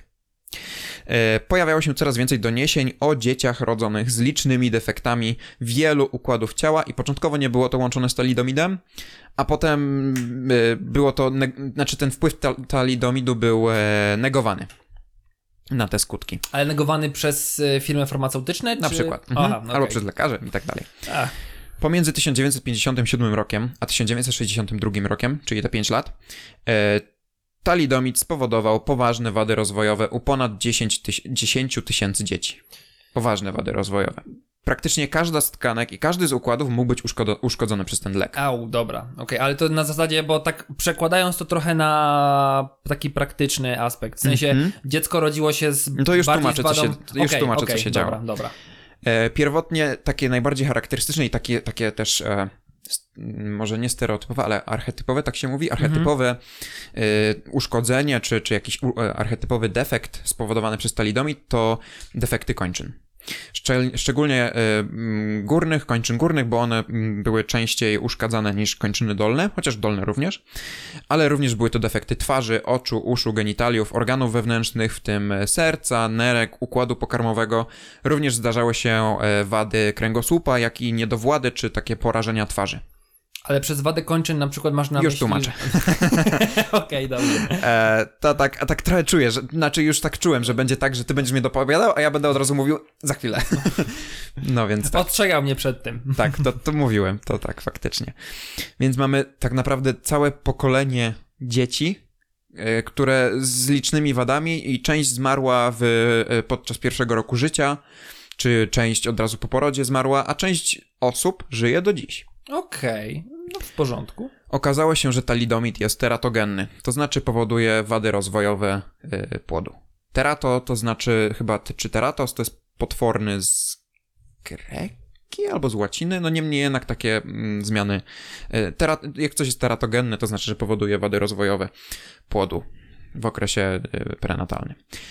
Wysoka była również śmiertelność niemowlaków z tymi licznymi wadami, bo nawet do 40%, głównie przez uszkodzenia czy jakieś wady organów wewnętrznych. Mhm. Mm, również była zwiększona szansa na poronienie, że po prostu te dzieci nawet się nie urodziły.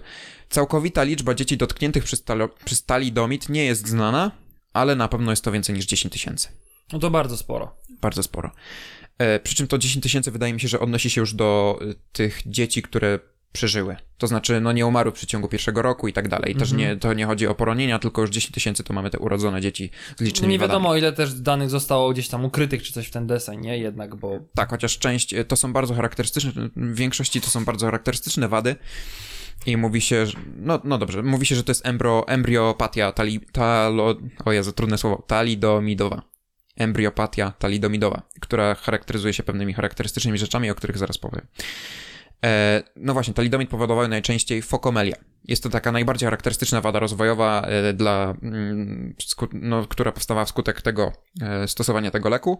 Było to skrócenie kończyn, które powstawało przez skrócenie kości długich lub całkowity ich brak. To znaczy, jak mamy kończynę, no to albo te kości długie były bardzo krótkie, na przykład piszczel, Czyli w sensie, tak jakby, jakbym był normalnie ja, mam normalny tułów, tylko jestem trochę kinda T-Rex, no tak, krótkie, krótsze, krótsze, krótsze. ale tułów zostaje, tylko Tak. kończyna jest. Ale to Tak. tak jakby symetrycznie, czy na przykład jedna ręka jest krótsza od drugiej? Symetrycznie. I to, co ciekawe, jest dosyć charakterystyczne Aha, właśnie okej. dla talidomidu. Ale też na zasadzie tylko ręce, tylko nogi, czy wszystko? I już opowiadam, jak to w ogóle Dobrze. wygląda w szczegółach. Konkrety, Patryk, Mhm, konkrety. Tu jest za dużo pytań mi się ciśnie. E, no więc cierpliwości. No, E, no właśnie, czyli mamy e, skrócenie kończyn, albo w ogóle nie ma kości długich, albo są skrócone, jeżeli są te, ko- są te kości długie, przy czym dłonie pozostają na miejscu, to znaczy ta kończyna mm, kończy się dłonią faktycznie. Okej, czyli tu się nic nie zmienia, tylko sama ta kończyna długa. Zmienia się, Mniej bo więcej. jest możliwy e, też prawie całkowity brak, e, znaczy inaczej, jest, jeżeli mamy całkowity brak kończyny, Mhm. to mają tylko dłonie w miejscu, gdzie powinna być ta kończyna. Rozumiesz? Czyli z tułowia w miejscu, gdzie powinna być noga, ręka, to jest sama dłoń albo stopa. Aha, w sensie, znaczy, a wiem, w sensie jakby jest stopa i dłoń jest normalnie, w sensie normalnie, że występuje, bo występuje, ale ona też może być zdeformowana, czy ona jest... Też może być zdeformowana. Mm, czyli y, może być albo nawet dłoń, albo same palce. A może być tak, że, nie wiem, z tułowia po prostu wystaje ci dłoń? No tak, to właśnie powiedziałem. To miałem na myśli. Wow. To miałem na myśli. Ja. Więc bardzo zdeformowane kończyny to mogła być sama dłoń albo same palce nawet. w miejscu właśnie, gdzie powinna się zaczynać ręka, nie? Albo ta kończyna jest, tylko jest skrócona. Yy, mogła być też deformacja lub brak części palców. Częstym rozpoznaniem tego właśnie, że mamy do czynienia z embryopatią tali, tali, Domidalną. talidomidową, Talidomidową. jest fakt, że te defekty są symetryczne, to co powiedziałeś. To jest ciekawe w sumie dosyć, że Bo wiesz, gdzieś tam w tym rozwoju płodowym, no to na przykład w wyniku niedotlenienia, no to często te wady są y, asymetryczne, nie? To znaczy jedna ręka, jedna dłoń. Y, a tutaj mamy tą symetrię, to znaczy zazwyczaj dotyka to dosyć równo obydwie kończyny. okej. jeżeli mamy na przykład y, dotknięte kończyny górne. Kończyny dolne bywają y, obejmowane takimi samymi zmianami jak kończyny górne, ale rzadziej. Okej. I występować może też polidaktylia, to znaczy występują dodatkowe palce. Nawet dwa razy tyle palców, ile powinno być w dłoni. Wow. E, I ta zdolność talidomidu do skracania kończyny, ale przy tym do duplikowania palcy, czyli ta kończyna może być skrócona, a palce mogą być zduplikowane, jest to dosyć niezwykłe. Nie ma zbyt wielu jakichś takich czynników, które mogłyby coś takiego powodować. I to tak jak wiele innych mechanizmów, e, jak działa talidomid, to nie jest do końca jasne i nie jest do końca poznane. Przede wszystkim, jeśli chodzi o działanie talidomidu, jest to, że to ma wpływ na angiogenezę. Negatywny wpływ na angiogenezę. Angiogeneza to jest e, powstawanie naczyń krwionośnych. Okej. I stąd się biorą wady rozwojowe. To jest taki podstawowy mechanizm, który został rozpoznany, ale też nie w szczegółach, nie? Na przykład właśnie nie wiadomo, dlaczego górne kończyny są częściej obejmowane tymi deformacjami niż dolne. Wiadomo tylko, że dolne kończyny rozwijają się u płodu nieco później niż górne. Czyli jak mamy rozwój płodu, no to najpierw powstają nam, czy rozwijają się kończyny górne, potem dolne, Mm, a sam talidomid wykazuje taki krótki półczas e, aktywności. To znaczy jest takie okienko w rozwoju płodu, w którym ten talidomid wykazuje te swoje właściwości teratogenne. Więc pojedyncza dawka leku może mieć wpływ na górne kończyny, a na dolne wymaga takiego regularnego przyjmowania. A może to jest coś w stylu, bo nie wiem kiedy u kobiet pojawiają się nudności. Mhm. Ale tak, właśnie w skoro- tym wczesnym no, okresie skoro, i tak wiesz- samo jak są, to się właśnie nakłada, nie? No, czyli Przez to, skoro że- kobiety biorą ten we wcześniejszym okresie, kiedy rozwijają się górne kończyny, a już niekoniecznie kiedy rozwijają się w dolnym, to może dlatego właśnie, no i te regularne dawki właśnie, to, to jakby mi się coś takiego spina, ale no wiadomo, Aha, że tak nie jest. wiem, czy to nie jest To po prostu na zasadzie Podobnym. To, to, to tak coś jest w tym na rzecz. takiej- Okej, Podobnie kość łonowa czy stawy biodrowe mogą być nieprawidłowo rozwinięte albo w ogóle nieobecne. E, u rozwijającego się płodu w podobnym okresie co kończyny rozwijają się oczy i uszy. I one też są dotknięte tymi deformacjami. E, To jest e, ten okres, o którym mówię, to jest od czwartego do dziewiątego tygodnia e, od... Za, wydaje mi się, że nie, nie jest to tydzień... Kurczę, teraz nie... Dobra, nie chcę skłamać, bo albo, no wiesz, in- inaczej się, róż, inaczej się liczy od zapłodnienia niż tydzień ciąży. a okej, okej. Bo tydzień ciąży się, no nieważne. Ja Ale nie to- wiem, to nie mnie jest to tam- samo. Ja tylko w miesiącach operuję, więc wiesz. E, więc talidomid może powodować zmniejszanie gałek ocznych, po prostu te gałki oczne są mniejsze. Może być zupełny brak gałki ocznej, albo jeżeli one są, to, e, to wzrok może być uszkodzony, po prostu może być słaby, e, co też jest dosyć charakterystyczne dla tego talidomidu. Mm, Uszkodzenia oczu mogą również obejmować nie tylko jakąś gałkę oczną, czy, czy, czy jej funkcjonowanie, ale może być brak obecności łez. Po prostu nie ma, no nie ma, nie ma takiego systemu, który Nie by... ma tego gruczołu łzowego, tak? Czy on Dokładnie. jest tam Mhm, zaburzony? Albo, Okej. tak. Mhm. Może, może występować też rozszczep powieki, jak i zes. Więc sporo, y, sporo też szkód może to w tym układzie takim wzrokowym narobić. Uszy z kolei bywają nieobecne lub zredukowane. Chodzi mi o ucho zewnętrzne, o małżowiny uszne. Y, I do tego może być brak słuchu zupełny albo pogorszony słuch.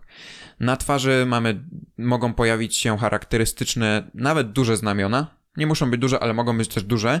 Yy, I naczyniaki. I często jest tak, że jest to znamie precyzyjnie na środku czoła.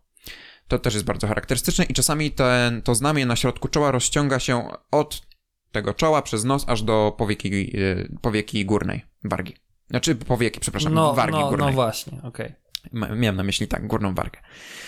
Eee, więc to też jest dosyć takie charakterystyczne dla, dla działania tego, tego talidomidu, co jest, co, no jest, wiesz, istotne, bo czasami musi, chcemy sprawdzić, czy, mm, czy dane uszkodzenia są, no nie wiem, wynikające z jakichś po prostu genetycznych uwarunkowań, czy właśnie w wyniku działania tej substancji. Wykazano, że talidomid powoduje uszkodzenia płodu, jeśli jest podany w tym takim krótkim, krytycznym przedziale czasowym. Pomiędzy, o właśnie, tu mam zapisane, pomiędzy 20 a 36 dniem od zapłodnienia. Okej. Czyli ten wczesny okres i wtedy też pojawiają się te, te, te takie poranne mdłości, nie? To często jest sygnał, że kobieta jest w ciąży. Albo to ją y, popycha do tego, by pójść zakupić test ciążowy na przykład, nie? Mhm. E, poza tym okresem talidomid nie powoduje uszkodzeń płodu. Przynajmniej tak Czyli jeszcze raz, poczekaj chwilę. No. E, między którym, którym dniem od zapłodnienia? między 20 a 36. Krótkie okienko. No właśnie, to jest to, że kobieta nawet nie za bardzo... Może nie wiedzieć, że jest w ciąży, No a- albo no wie, wiesz, no właśnie się dowiedziała, no i brała te środki na poranne mdłości.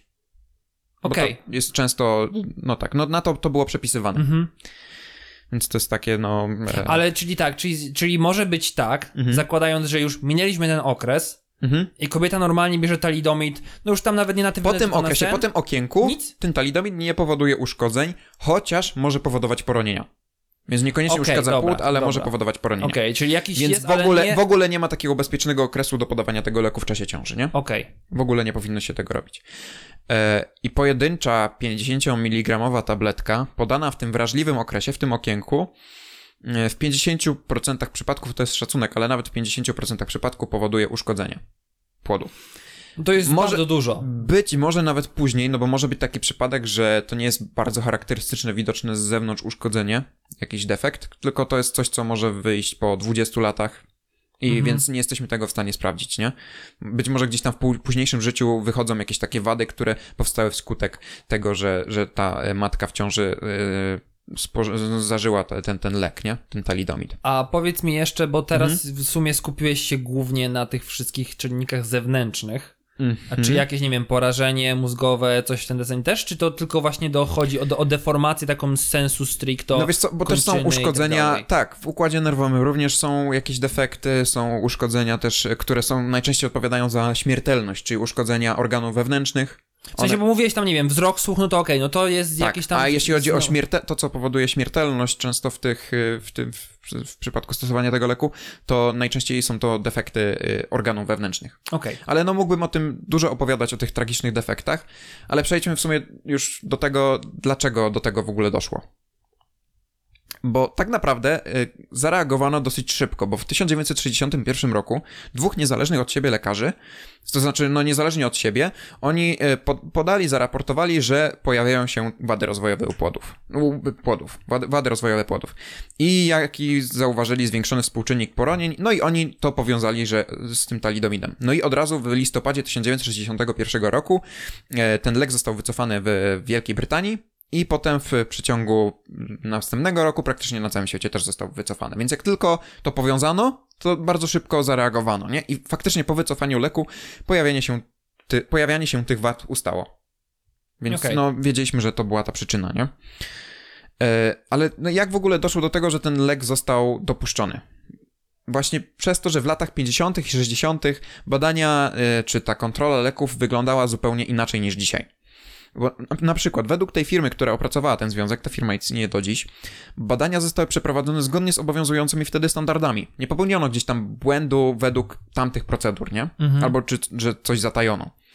Chociaż no, ciągle trwa dyskusja na temat tego, jakie testy powinny być przeprowadzone na miarę tamtych czasów, i czy przeprowadzono wszystkie, które można było przeprowadzić, e, czy może na przykład było tak, że, że w ogóle kiedy ta firma, ten Grunenthal, e, kiedy oni zauważyli to teratogenne działanie leku i czy oni może tego nie zatajali i tak dalej, nie?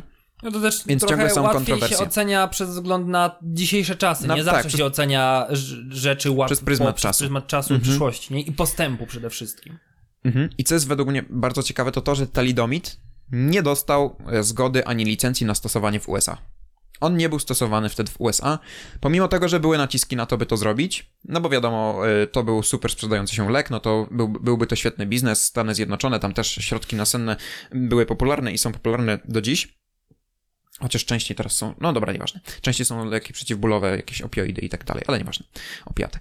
E, I lekarz pracująca właśnie dla FDA, to wspominałem, że będę o tym mówił, nie? Ten Food and Drug Administry, dr e, Frances Kelsey, ona odpowiadała za przyznawanie w tych czasach licencji dla różnych leków i właśnie miała wątpliwość co do tego leku. Usłyszała, bo najpierw były te doniesienia o tych neuropatiach obwodowych, ona to usłyszała, więc trochę się wstrzymała z tym, chciała sprawdzić temat. Potem zaczęła zwracać uwagę na te takie różne mm, e, no, niepokojące efekty podczas trwania ciąży i tak dalej. No i tak naprawdę ona zatrzymała ona zatrzymała, no inaczej, ona powstrzymała wejście tego leku na rynek Tak. amerykański, Mhm. a s- skutki, jakie to by miało, to można sobie tylko wyobrażać, nie? No to byłoby jeszcze więcej. No. Zdecydowanie. Może nawet podwojenie tych, y, tych skutków, no ciężko stwierdzić. Ta doktor została ona później nagrodzona przez JFK, przez y, Kennedy'ego, mm, przez prezydenta Stanów Zjednoczonych, została jakimś tam orderem odznaczona za właśnie zapobie- zapobiegnięcie katastrofy talido- talidomidów USA.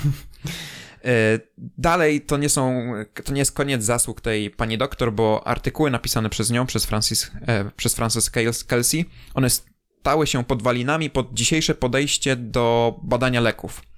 Bo przypadek talidomidu zupełnie odwrócił sposób badania leku. W sumie rynek farmaceutyczny, jaki znamy dzisiaj, no, został zdefiniowany właśnie wtedy. I on wtedy zupełnie to wszystko zmieniło. W ogóle ten talidomid miał niesamowity wpływ na, na naukę. To niestety jest nauka na, na błędzie i to ogromnym błędzie, na W katastrofie. sensie właśnie naj, najsmutniejsze jest to, tak, to już powinno być bardziej podsumowanie, ale powiem co teraz, Mhm. że najgorsze jest to, jaką kaskadę efektów wywołuje to wszystko, nie? Bo okej, no gdyby to były tylko te deformacje choćby rąk, nie? Mhm. W sensie to jest tragedia, tak, jak tutaj może, jak słuchając tego, ktoś może sobie pomyśleć, że my trochę, w sensie, no nie wiem, jakby nie podchodzimy aż tak poważnie do tego tematu, w sensie jakby, no wiesz o co mi chodzi, nie? W sensie, mimo te, temat jest bardzo poważny i tak dalej, może niekoniecznie tu jest super powaga jest zachowana z naszej, głównie z mojej strony, ale w sensie to tak wielką tragedią Mhm. przyszło nam zapłacić yy, za ten postęp, nie? W sensie, no bardzo... Tak. No, bardzo musiało tak dojść Myślę o, że o swoim potomstwie gdzieś tam, jakbym miał gdzieś mieć i kurczę po prostu przez przypadek, bo to nie jest, bo to nie jest zaplanowana decyzja, nie? To nie jest tak, że oni stwierdzili, kurde, przypał, że wypuszczając to nie, po prostu jedziemy, bo, Tak. nie wiem, złe koncerny farmaceutyczne i tak dalej. To tylko... było niedopatrzenie, to było, to wynikało głównie z tego, że tak w ten sposób rynek farmaceutyczny wtedy działał. Bo nie? Pod- cały czas nie powiedziałeś do tego- tak naprawdę o co chodzi, nie? Co jest przyczyną tego problemu tak, tak, naprawdę. tak, no. tak, tak, tak.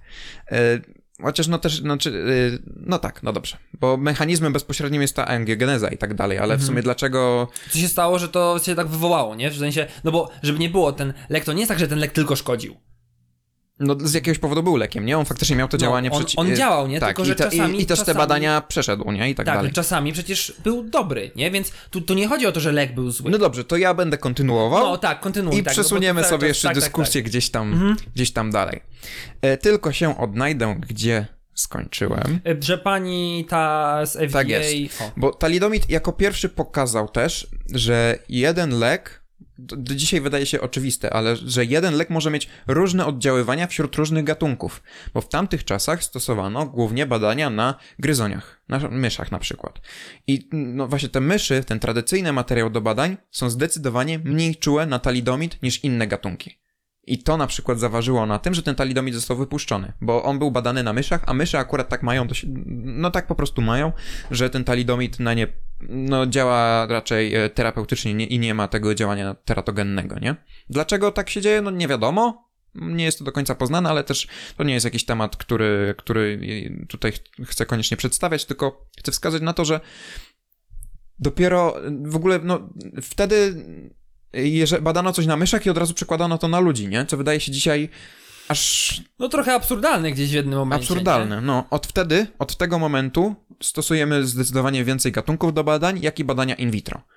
Wtedy badano po prostu to na myszach i, i w ten sposób wypuszczano leki, nie? To dzisiaj wydaje się być niewyobrażalne. No i od kiedy zmieniono ten, taki, ten, tę metodologię działania w farmacji, w przemyśle farmaceutycznej, no do tak wielkiej tragedii już, już no, no nie doszło do takiej wielkiej tragedii, nie? Już, już niczego takiego nie doświadczyliśmy jak tą tragedię talidomidu. W ogóle to jest straszne zrzędzenie losu, bo inne zwierzęta, oprócz ludzi i w, przeciw, i w przeciwieństwie do myszy, też wykazują teratogenność. I to było sprawdzone, Czyli wybraliśmy zbadane... najgorsze gatunek... Akurat tak, akurat tak. Mhm. Bo małpy, króliki, pancerniki, chomiki, kury, morskie ryby, a nawet bakterie, one wszystkie, znaczy, no, dla tych wszystkich zwierząt i dla tych wszystkich gatunków talidomid jest toksyczny. Czy tam teratogenny, czy chociaż no w przypadku bakterii nie można mówić o, tym, o teratogenności, ale też jest jakieś tam toksyczne działanie. Taką informację znalazłem i jeszcze było więcej tych różnych gatunków, gdzie to badano. Mhm. W sumie nikogo nie, nie skazano, nie, nie, nie postawiono winy komukolwiek w, za tę katastrofę. A sama ta firma, ta Grunenthal, ona przez długi czas w ogóle się nie poczuwała do tego, że ona w czymkolwiek zawiniła i dopiero w 2012 roku po raz pierwszy przeprosiła. W 2012 o, roku. Ojej. No, poza, Grubo. poza, poza Niemcami, poza tym krajem, poza Niemczech. Poza Niemczech czy poza Niemcami? Poza Niemcami, daj spokój. Poza Niemcami. Niewiele osób dostało jakąkolwiek rekompen- rekompensatę. Właśnie tego też chciałem dojść, no E, okej. Grunenthal już nie produkuje talidomidu, wiadomo, ale jest bardzo dużą firmą i zajmują się e, lekami przeciwbólowymi. W niektórych krajach dystrybutorzy leku zostali pozwani Mhm. e, i wezwani właśnie do wypłaty odszkodowań. Tak na przykład się stało w Wielkiej Brytanii. Ale są, to zależy od kraju i, i bardzo, no właśnie, to zależy od kraju i nie wszędzie wypłacono jakieś, jakiekolwiek odszkodowania i tak dalej, nie? No to jest świństwo moim zdaniem, jednak. No bo wiesz, Że- no trzeba znaleźć... W sensie z jednej strony trochę rozumiem... Inaczej, e, bo wiesz co, wsparcie od państwa dla ofiar oczywiście było, nie? Okej. Chociaż to też oczywiście zależy od kraju. Mhm. Ale jeśli chodzi o wypłatę odszkodowania, czyli wskazania, ty jesteś winny, to nie było tych winnych. Ewentualnie dystrybutorzy byli e, pozywani. Ja trochę rozumiem skąd to się mogło wziąć, no bo... yy, Według tamtego, tamtych procedur wszystko było w porządku. No tak, w sensie nikt nie spodziewał się czegoś takiego. Mhm. Jakby nic nie sprawiło, że ktoś faktycznie zawinił, nie? Tak w sensie, że nie wiem, pociągnął złą dźwignię albo coś w Mhm. Tak. ten deseń. To jest takie trochę, no, zrządzenie znowu, na które nikt wcześniej nie wpadł, nie pomyślał. Inaczej, no wszyscy badali w dosyć podobny sposób, chociaż dalej, no to jest trochę kontrowersyjne i, i ciągle się dowodzi, że może jednak ten Grunenthal zrobił coś nie tak, że może, że inna firma robiła to w ten sposób i tak dalej, że jednak powinni zbadać to i tak, i tak, i tak, więc dalej jest to, dalej jest to takim żywym tematem sporów.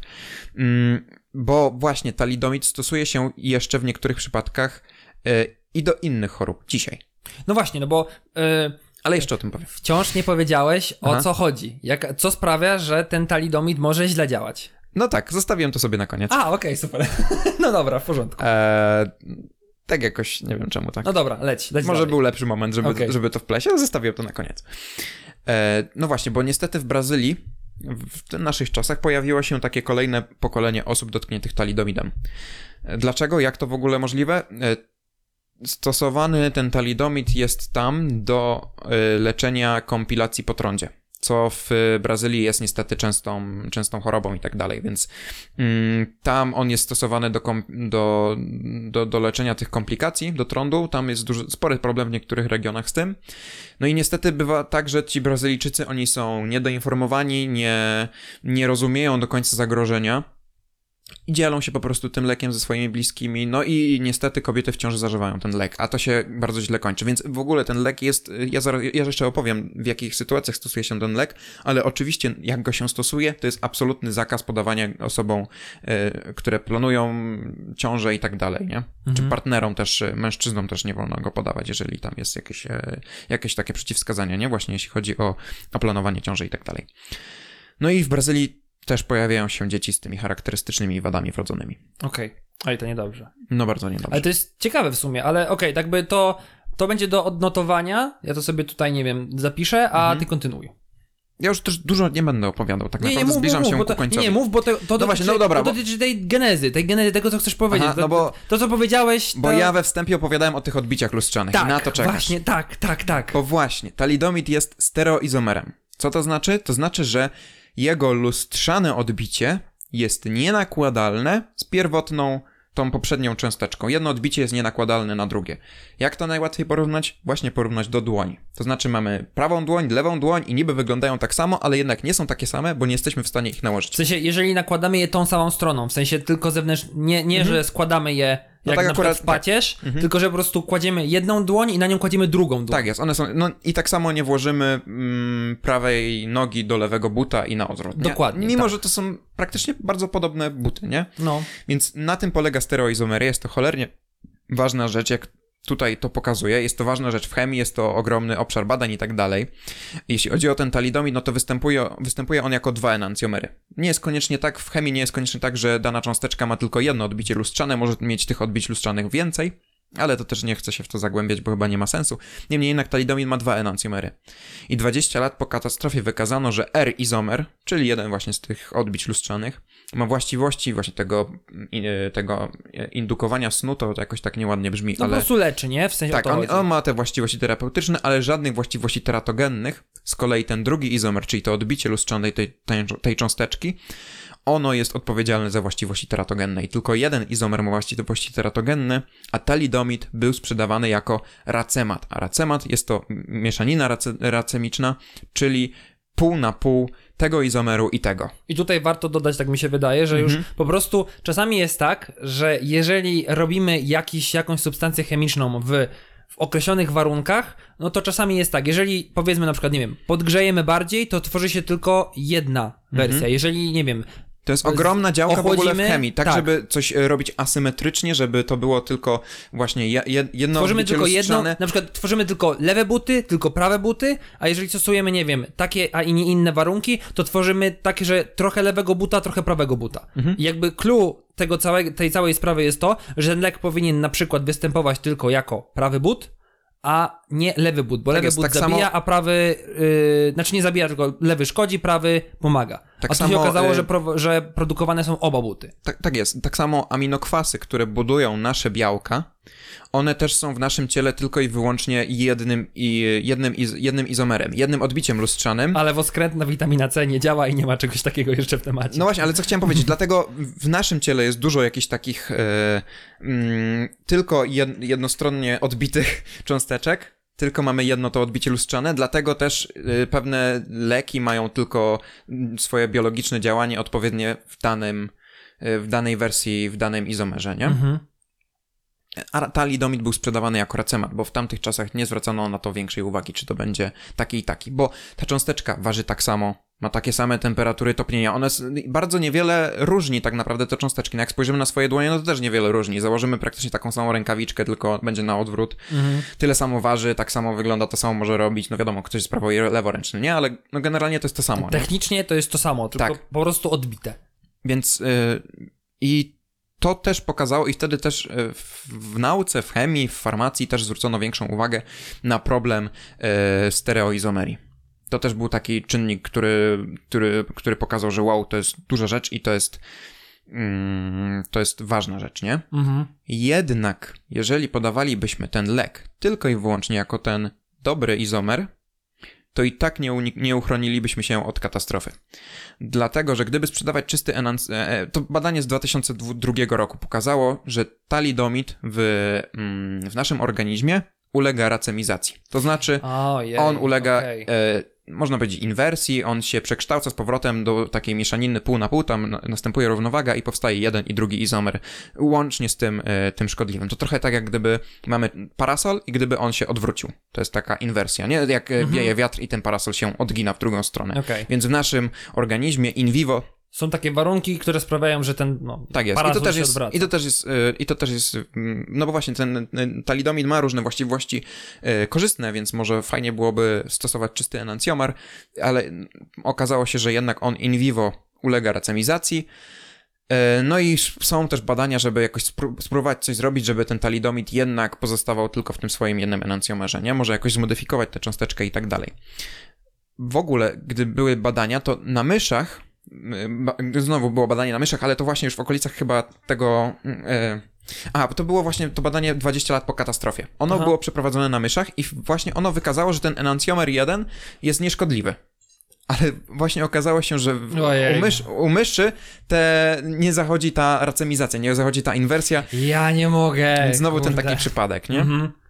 Więc znowu myszy to nie, nie był ten najlepszy przykład, ale pokazano właśnie, że rozdzielanie enancjomerów jest bardzo ważne, że synteza asymetryczna jest y, niesamowicie ważna, rozdział enancjomerów, że y, też, no właśnie to co mówiłem, że peptydy są chiralne, więc pr- przy projektowaniu jakichś leków musimy brać to pod uwagę i to jest duży problem dla chemików, też to jest duże wyzwanie w syntezie jakiejś organicznej, czy leków, czy i tak dalej, y, żeby, żeby ta, ta synteza była asymetryczna, to znaczy, żebyśmy właśnie dostawali jakiś Tylko konkretny jeden, mhm. izomer, no i tak naprawdę że aktualnie w chemii organicznej też to jest bardzo, to jest jedna z najważniejszych działek, nie? I, i, i chemicy uwielbiają, gdy mamy jak coś, co jest as, jakąś reakcję, która Ja jest nienawidzę. Mów za siebie. Uwielbiają, gdy ona wychodzi, albo gdy da się ją zrobić, nie? Nie no, jak wychodzi to tak, jak najbardziej, no. No a jak się nie da tego garnąć, to... Ale do tego się dąży no. i to jest bardzo ważne Tak, i to jest bardzo oczywiście, tak. istotne. To jest, to jest jeden z tych ważniejszych ele- elementów. E, No ale ten talidomid ma też swoją taką jasną stronę. E, Bo mówiłem, że stosuje się go jeszcze dziś. Mhm. Talidomid ma unikalne dosyć właściwości przeciwzapalne, e, też e, wpływa na nasz układ odpornościowy. Jest stosowany w leczeniu wielu chorób, które są trudne w leczeniu, to znaczy wieloma konwencjonalnymi środkami, no czy inaczej, te leczenie konwencjonalne, no jak grochem w ścianę, nie? Mhm. I mam tutaj na myśli takie choroby jak trąd, AIDS e, czy nowotwory. O kurczę, czyli faktycznie jednak ten talidomid, Mhm. bo miałem pytać, że okej, no to skoro szkodzi, no to czemu dalej się go stosuje? W sensie, no czy faktycznie... Wiesz, on nie- szkodzi głównie, e, on nie szkodzi Znaczy- jakoś tam e, dorosłemu człowiekowi i tak, Tak, dalej. tak, w on ma sensie, że no właściwości... ten taki przypadek konkretny, że Tak. kobieta, kobieta w ciąży, ewentualnie Ma partner, właściwości teratogenne. szkołujący się Mhm. do, do rozrodczości, nie do rozrodu. Mhm, no tak, jakby to nie brzmiało, no to tak. to, to. Więc też w chorobach immunologicznych e, jest stosowany, no jest ten właśnie warunek, żeby brak planowania ciąży, tylko wtedy można stosować Mhm. ten środek, nie? I też ten lek jest pod nazwą e, talidomid, bo to jest, no, ja mówiłem, że tam jest wiele różnych nazw handlowych. Teraz jest lek talidomid, który się nazywa talidomid, jest zarejestrowany i jest to lek na szpiczaka mnogie, mnogiego oraz na rumień guzowaty, czyli po prostu, no stosuje się to, nie? Ale dalej stosowanie tego leku, który spowodował tak wielką katastrofę, no budzi często wielkie kontrowersje. Na przykład takie, że nie można ufać ludziom, że faktycznie nie będą się gdzieś tam e, rozmnażać, mm, a stosowanie tego leku, który potencjalnie może mieć tak okropny wpływ na, na dziecko, na płód, no to jest niemoralne aż, żeby stosować dalej ten lek, nie? Skoro Mhm. wiemy, do jakiej katastrofy on doprowadził. Jest ten paradoks, nie? Że z jednej strony nie powinny się go stosować, ale z drugiej strony jest Ma dosyć na unikalne właściwości, i no. tak bardzo może pomóc, że no to ograniczenie i taka no, świadomość ludzka powinna, zakładając, że ona będzie dobra, no to w tym momencie eliminujemy w dużej części ten skutek. Bo miałem pytać między innymi właśnie, dlaczego wiedząc jak talidomid y, działa, dlaczego dalej stosuje się go w Brazylii na przykład, nie? W sensie, fakt, to jest to niedoinformowanie i nie wiedziałem, że ten, że ten talidomid tworzy racemat w organizmie. Mhm, I to też na przykład dlatego, dlaczego Znaczy wiesz, on jest, bardzo, ulotki. on jest bardzo skuteczny na trąd, który jest poważnym problemem w tej Brazylii. No nie? właśnie, no. No i ci, ale Brazylijczycy nie są świadomi zagrożenia tego, że nie mogą tego talidomidu podawać właśnie tym kobietom, które planują być w ciąży albo już są w ciąży i tak dalej, nie? No Mhm. traktują to jak lek, no, No tak, no kto by się spodziewał, nie? Tak naprawdę. no. Więc, a jeszcze z takiej ostatniej ciekawostki, wtedy już możemy zupełnie przejść do dyskusji. E, chińscy naukowcy testowali talidomid na covidowe zapalenie płuc. I widziałem, że jest taka publikacja, że Okej. e, sprawdzali coś tam, e, że w połączeniu chyba z. No dobra, nie, nie wiem, ale w jakiejś takiej terapii łączonej, że to jest dosyć nawet całkiem skuteczne. Chociaż znalazłem też e, inną publikację, która od razu była krytyką tych pierwszych badań, więc że, że, że znowu wyciągamy ten lek, który nam tyle naszkodził i w ogóle zostawmy to. Więc jest nawet w środowisku naukowym jest takie tabu, żeby tego talidomidu już nigdy nie ruszać, nie? Mhm. No i tak, to jest wszystko, co chciałem powiedzieć. Możemy przejść do takiej jakiejś dyskusji, jeżeli masz jeszcze jakieś takie e, e, e, rzeczy, które chciałbyś poruszyć. To znaczy, właśnie ja. y, tu mam trochę ciekawostek, w sensie takich na zasadzie, że kiedy to, kiedy to odkryto, w sensie ciekawi mnie, w jaki sposób powiązano to, te y, płody, z, wiesz, w sensie, że jest deformacja płodów i generalnie płod- szkodzi to płodom z, faktycznie z talidomidem. Wiesz, to była w pewnym momencie już kwestia skali, nie? No, tak mi się właśnie, tak mi się wydaje, że skali, pewnie że ten. coś się działo i trzeba było znaleźć przyczynę. I, I że właśnie- I połączono, że no wszystkim tym kobietom podawano talidomid. I że właśnie ten, i że właśnie y, ta firma farmaceutyczna, jak ona zareagowała na zasadzie, że cholera, przypał i nie wiem, zacznijmy to jakoś badać, albo nie wiem o co chodzi, No. albo jak się dzieje, czy. Ja, dobra, to w ja... ogóle jak, kto, kto wpadł na to, że, ten, że to jest racemat i że jedno szkodzi, drugie nie? Bo. Mówię, 20 lat później było badanie y, dotyczące tego, czy, czy te stereoizomery, one mają takie same Tak, właściwości. ale kto na to wpadł? O to chodzi. W sensie, kto odkrył, że to jest steroizomer? W sensie, czy, czy masz te informacje? Czy No wiesz to co, znaczy, umknęło? no 20 lat W sensie później, po czyli w prostu- latach 70., no to chemia już była dosyć rozwinięta, no i prostu wiadomo, ktoś że To, ktoś to tam przetestował, tak, no, zobaczył. mamy i cząsteczkę ten. talidomidu, no i widzimy, tutaj jest węgiel Okej. chiralny, no to mamy dwa izomery, ciekawe, czy one działają tak samo, nie? Okej, nie, bo ja tutaj, ja tutaj też trochę nie chcę na zasadzie, mm, w sensie to jest trochę takie pokłosie takich czasów, nie? W sensie, bo... Mhm. To ja jeszcze może tylko tak powiem na przykład, jak to testowano. Ten środek, jak testowano, y, jak działa w ogóle ten środek, bo miał działać nasennie Mhm. i są No, środki, które działają nasennie, ale też halucynogennie. A, okej. I badano, czy nie ma działalności, czy, czy nie ma właściwości halucynogennych. Badano w ten sposób, że y, mysz biegała na kołowrotku i podawano ten środek i jak ona sobie radziła na tym kołowrotku. Okej. To były, to były tego typu badania, nie? Aha, no tak... Tak wyglądały te badania, no. Okej, no ale takie były czasy. No, No. dzisiaj mówię, dzisiaj Takie- ciężko tak wyglądały te metody. z naszej perspektywy, nie? W sensie ja tutaj chcę y, trochę się odciąć od dyskusji, wiesz, zaufania do koncernów farmaceutycznych, bo to jest bardzo drażliwy temat i nie chcę, żeby nam się tu jakaś Mhm. No i to, to, to chcę powiedzieć, że zupełnie na inny. W ogóle ta sytuacja no, zrobiła trzęsienie ziemi w przemyśle farmaceutycznym. Nie? I, I nie tylko, no bo właśnie zwróciła uwagę w chemii też na, na, te, na, na to, jak istotne jest. Otworzyła się na nowy czynnik, który okazało się być, okazał się być kluczowym No to jest tak sprawach, niewyobrażalna katastrofa, tak okropna sprawa, Nie? No, że ona miała ogromny wpływ na wiele dziedzin różnych życia, nie? no. Bo ci ludzie też żyli, no po prostu mieliśmy żywych, ży- żywych świadków, żywe egzem- przy, przykłady tego, co ten lek spowodował, nie? I co jakieś taka, no nie wiem, nieodpowiedzialność, nie, no błąd ludzki, no. Błąd ludzki, co, co wyczynił. Więc jest to największa katastrofa medyczna spowodowana przez człowieka. Zdecydowanie. Mimo, że, znaczy nie, że ma dobre skutki, bo to, właśnie to jest bardzo ciężko ten temat ocenić, nie na zasadzie, że tej, przez wzgląd na te straty. Mhm. Bo wiadomo, że no, dla nas teraz w tym momencie, no to trochę nie ma znaczenia, w sensie, no okej, no było, ale to mnie nie dotyczy, ale dzięki temu się medycyna rozwinęła i tak No dalej. my to nie? teraz traktujemy jako nauczkę, nie? Tak, Żeby- jako nauczkę. No, no i- A jednak miliony, znaczy miliony, pół, tysiące istnień ucierpiało, albo cierpi dalej, jakoś Mhm. tam związane z skutkami z tym. No. I cierpieć będzie, no bo tak jak mówiłeś, w Brazylii to jest wciąż stosowane, a niewiedza na Tak, niestety takie, jest... takie dzieci z defektami, No. no, rodzą, się, rodzą się w Brazylii też. I ten, więc no jakby jeden z wniosków, no to jest jednak. E...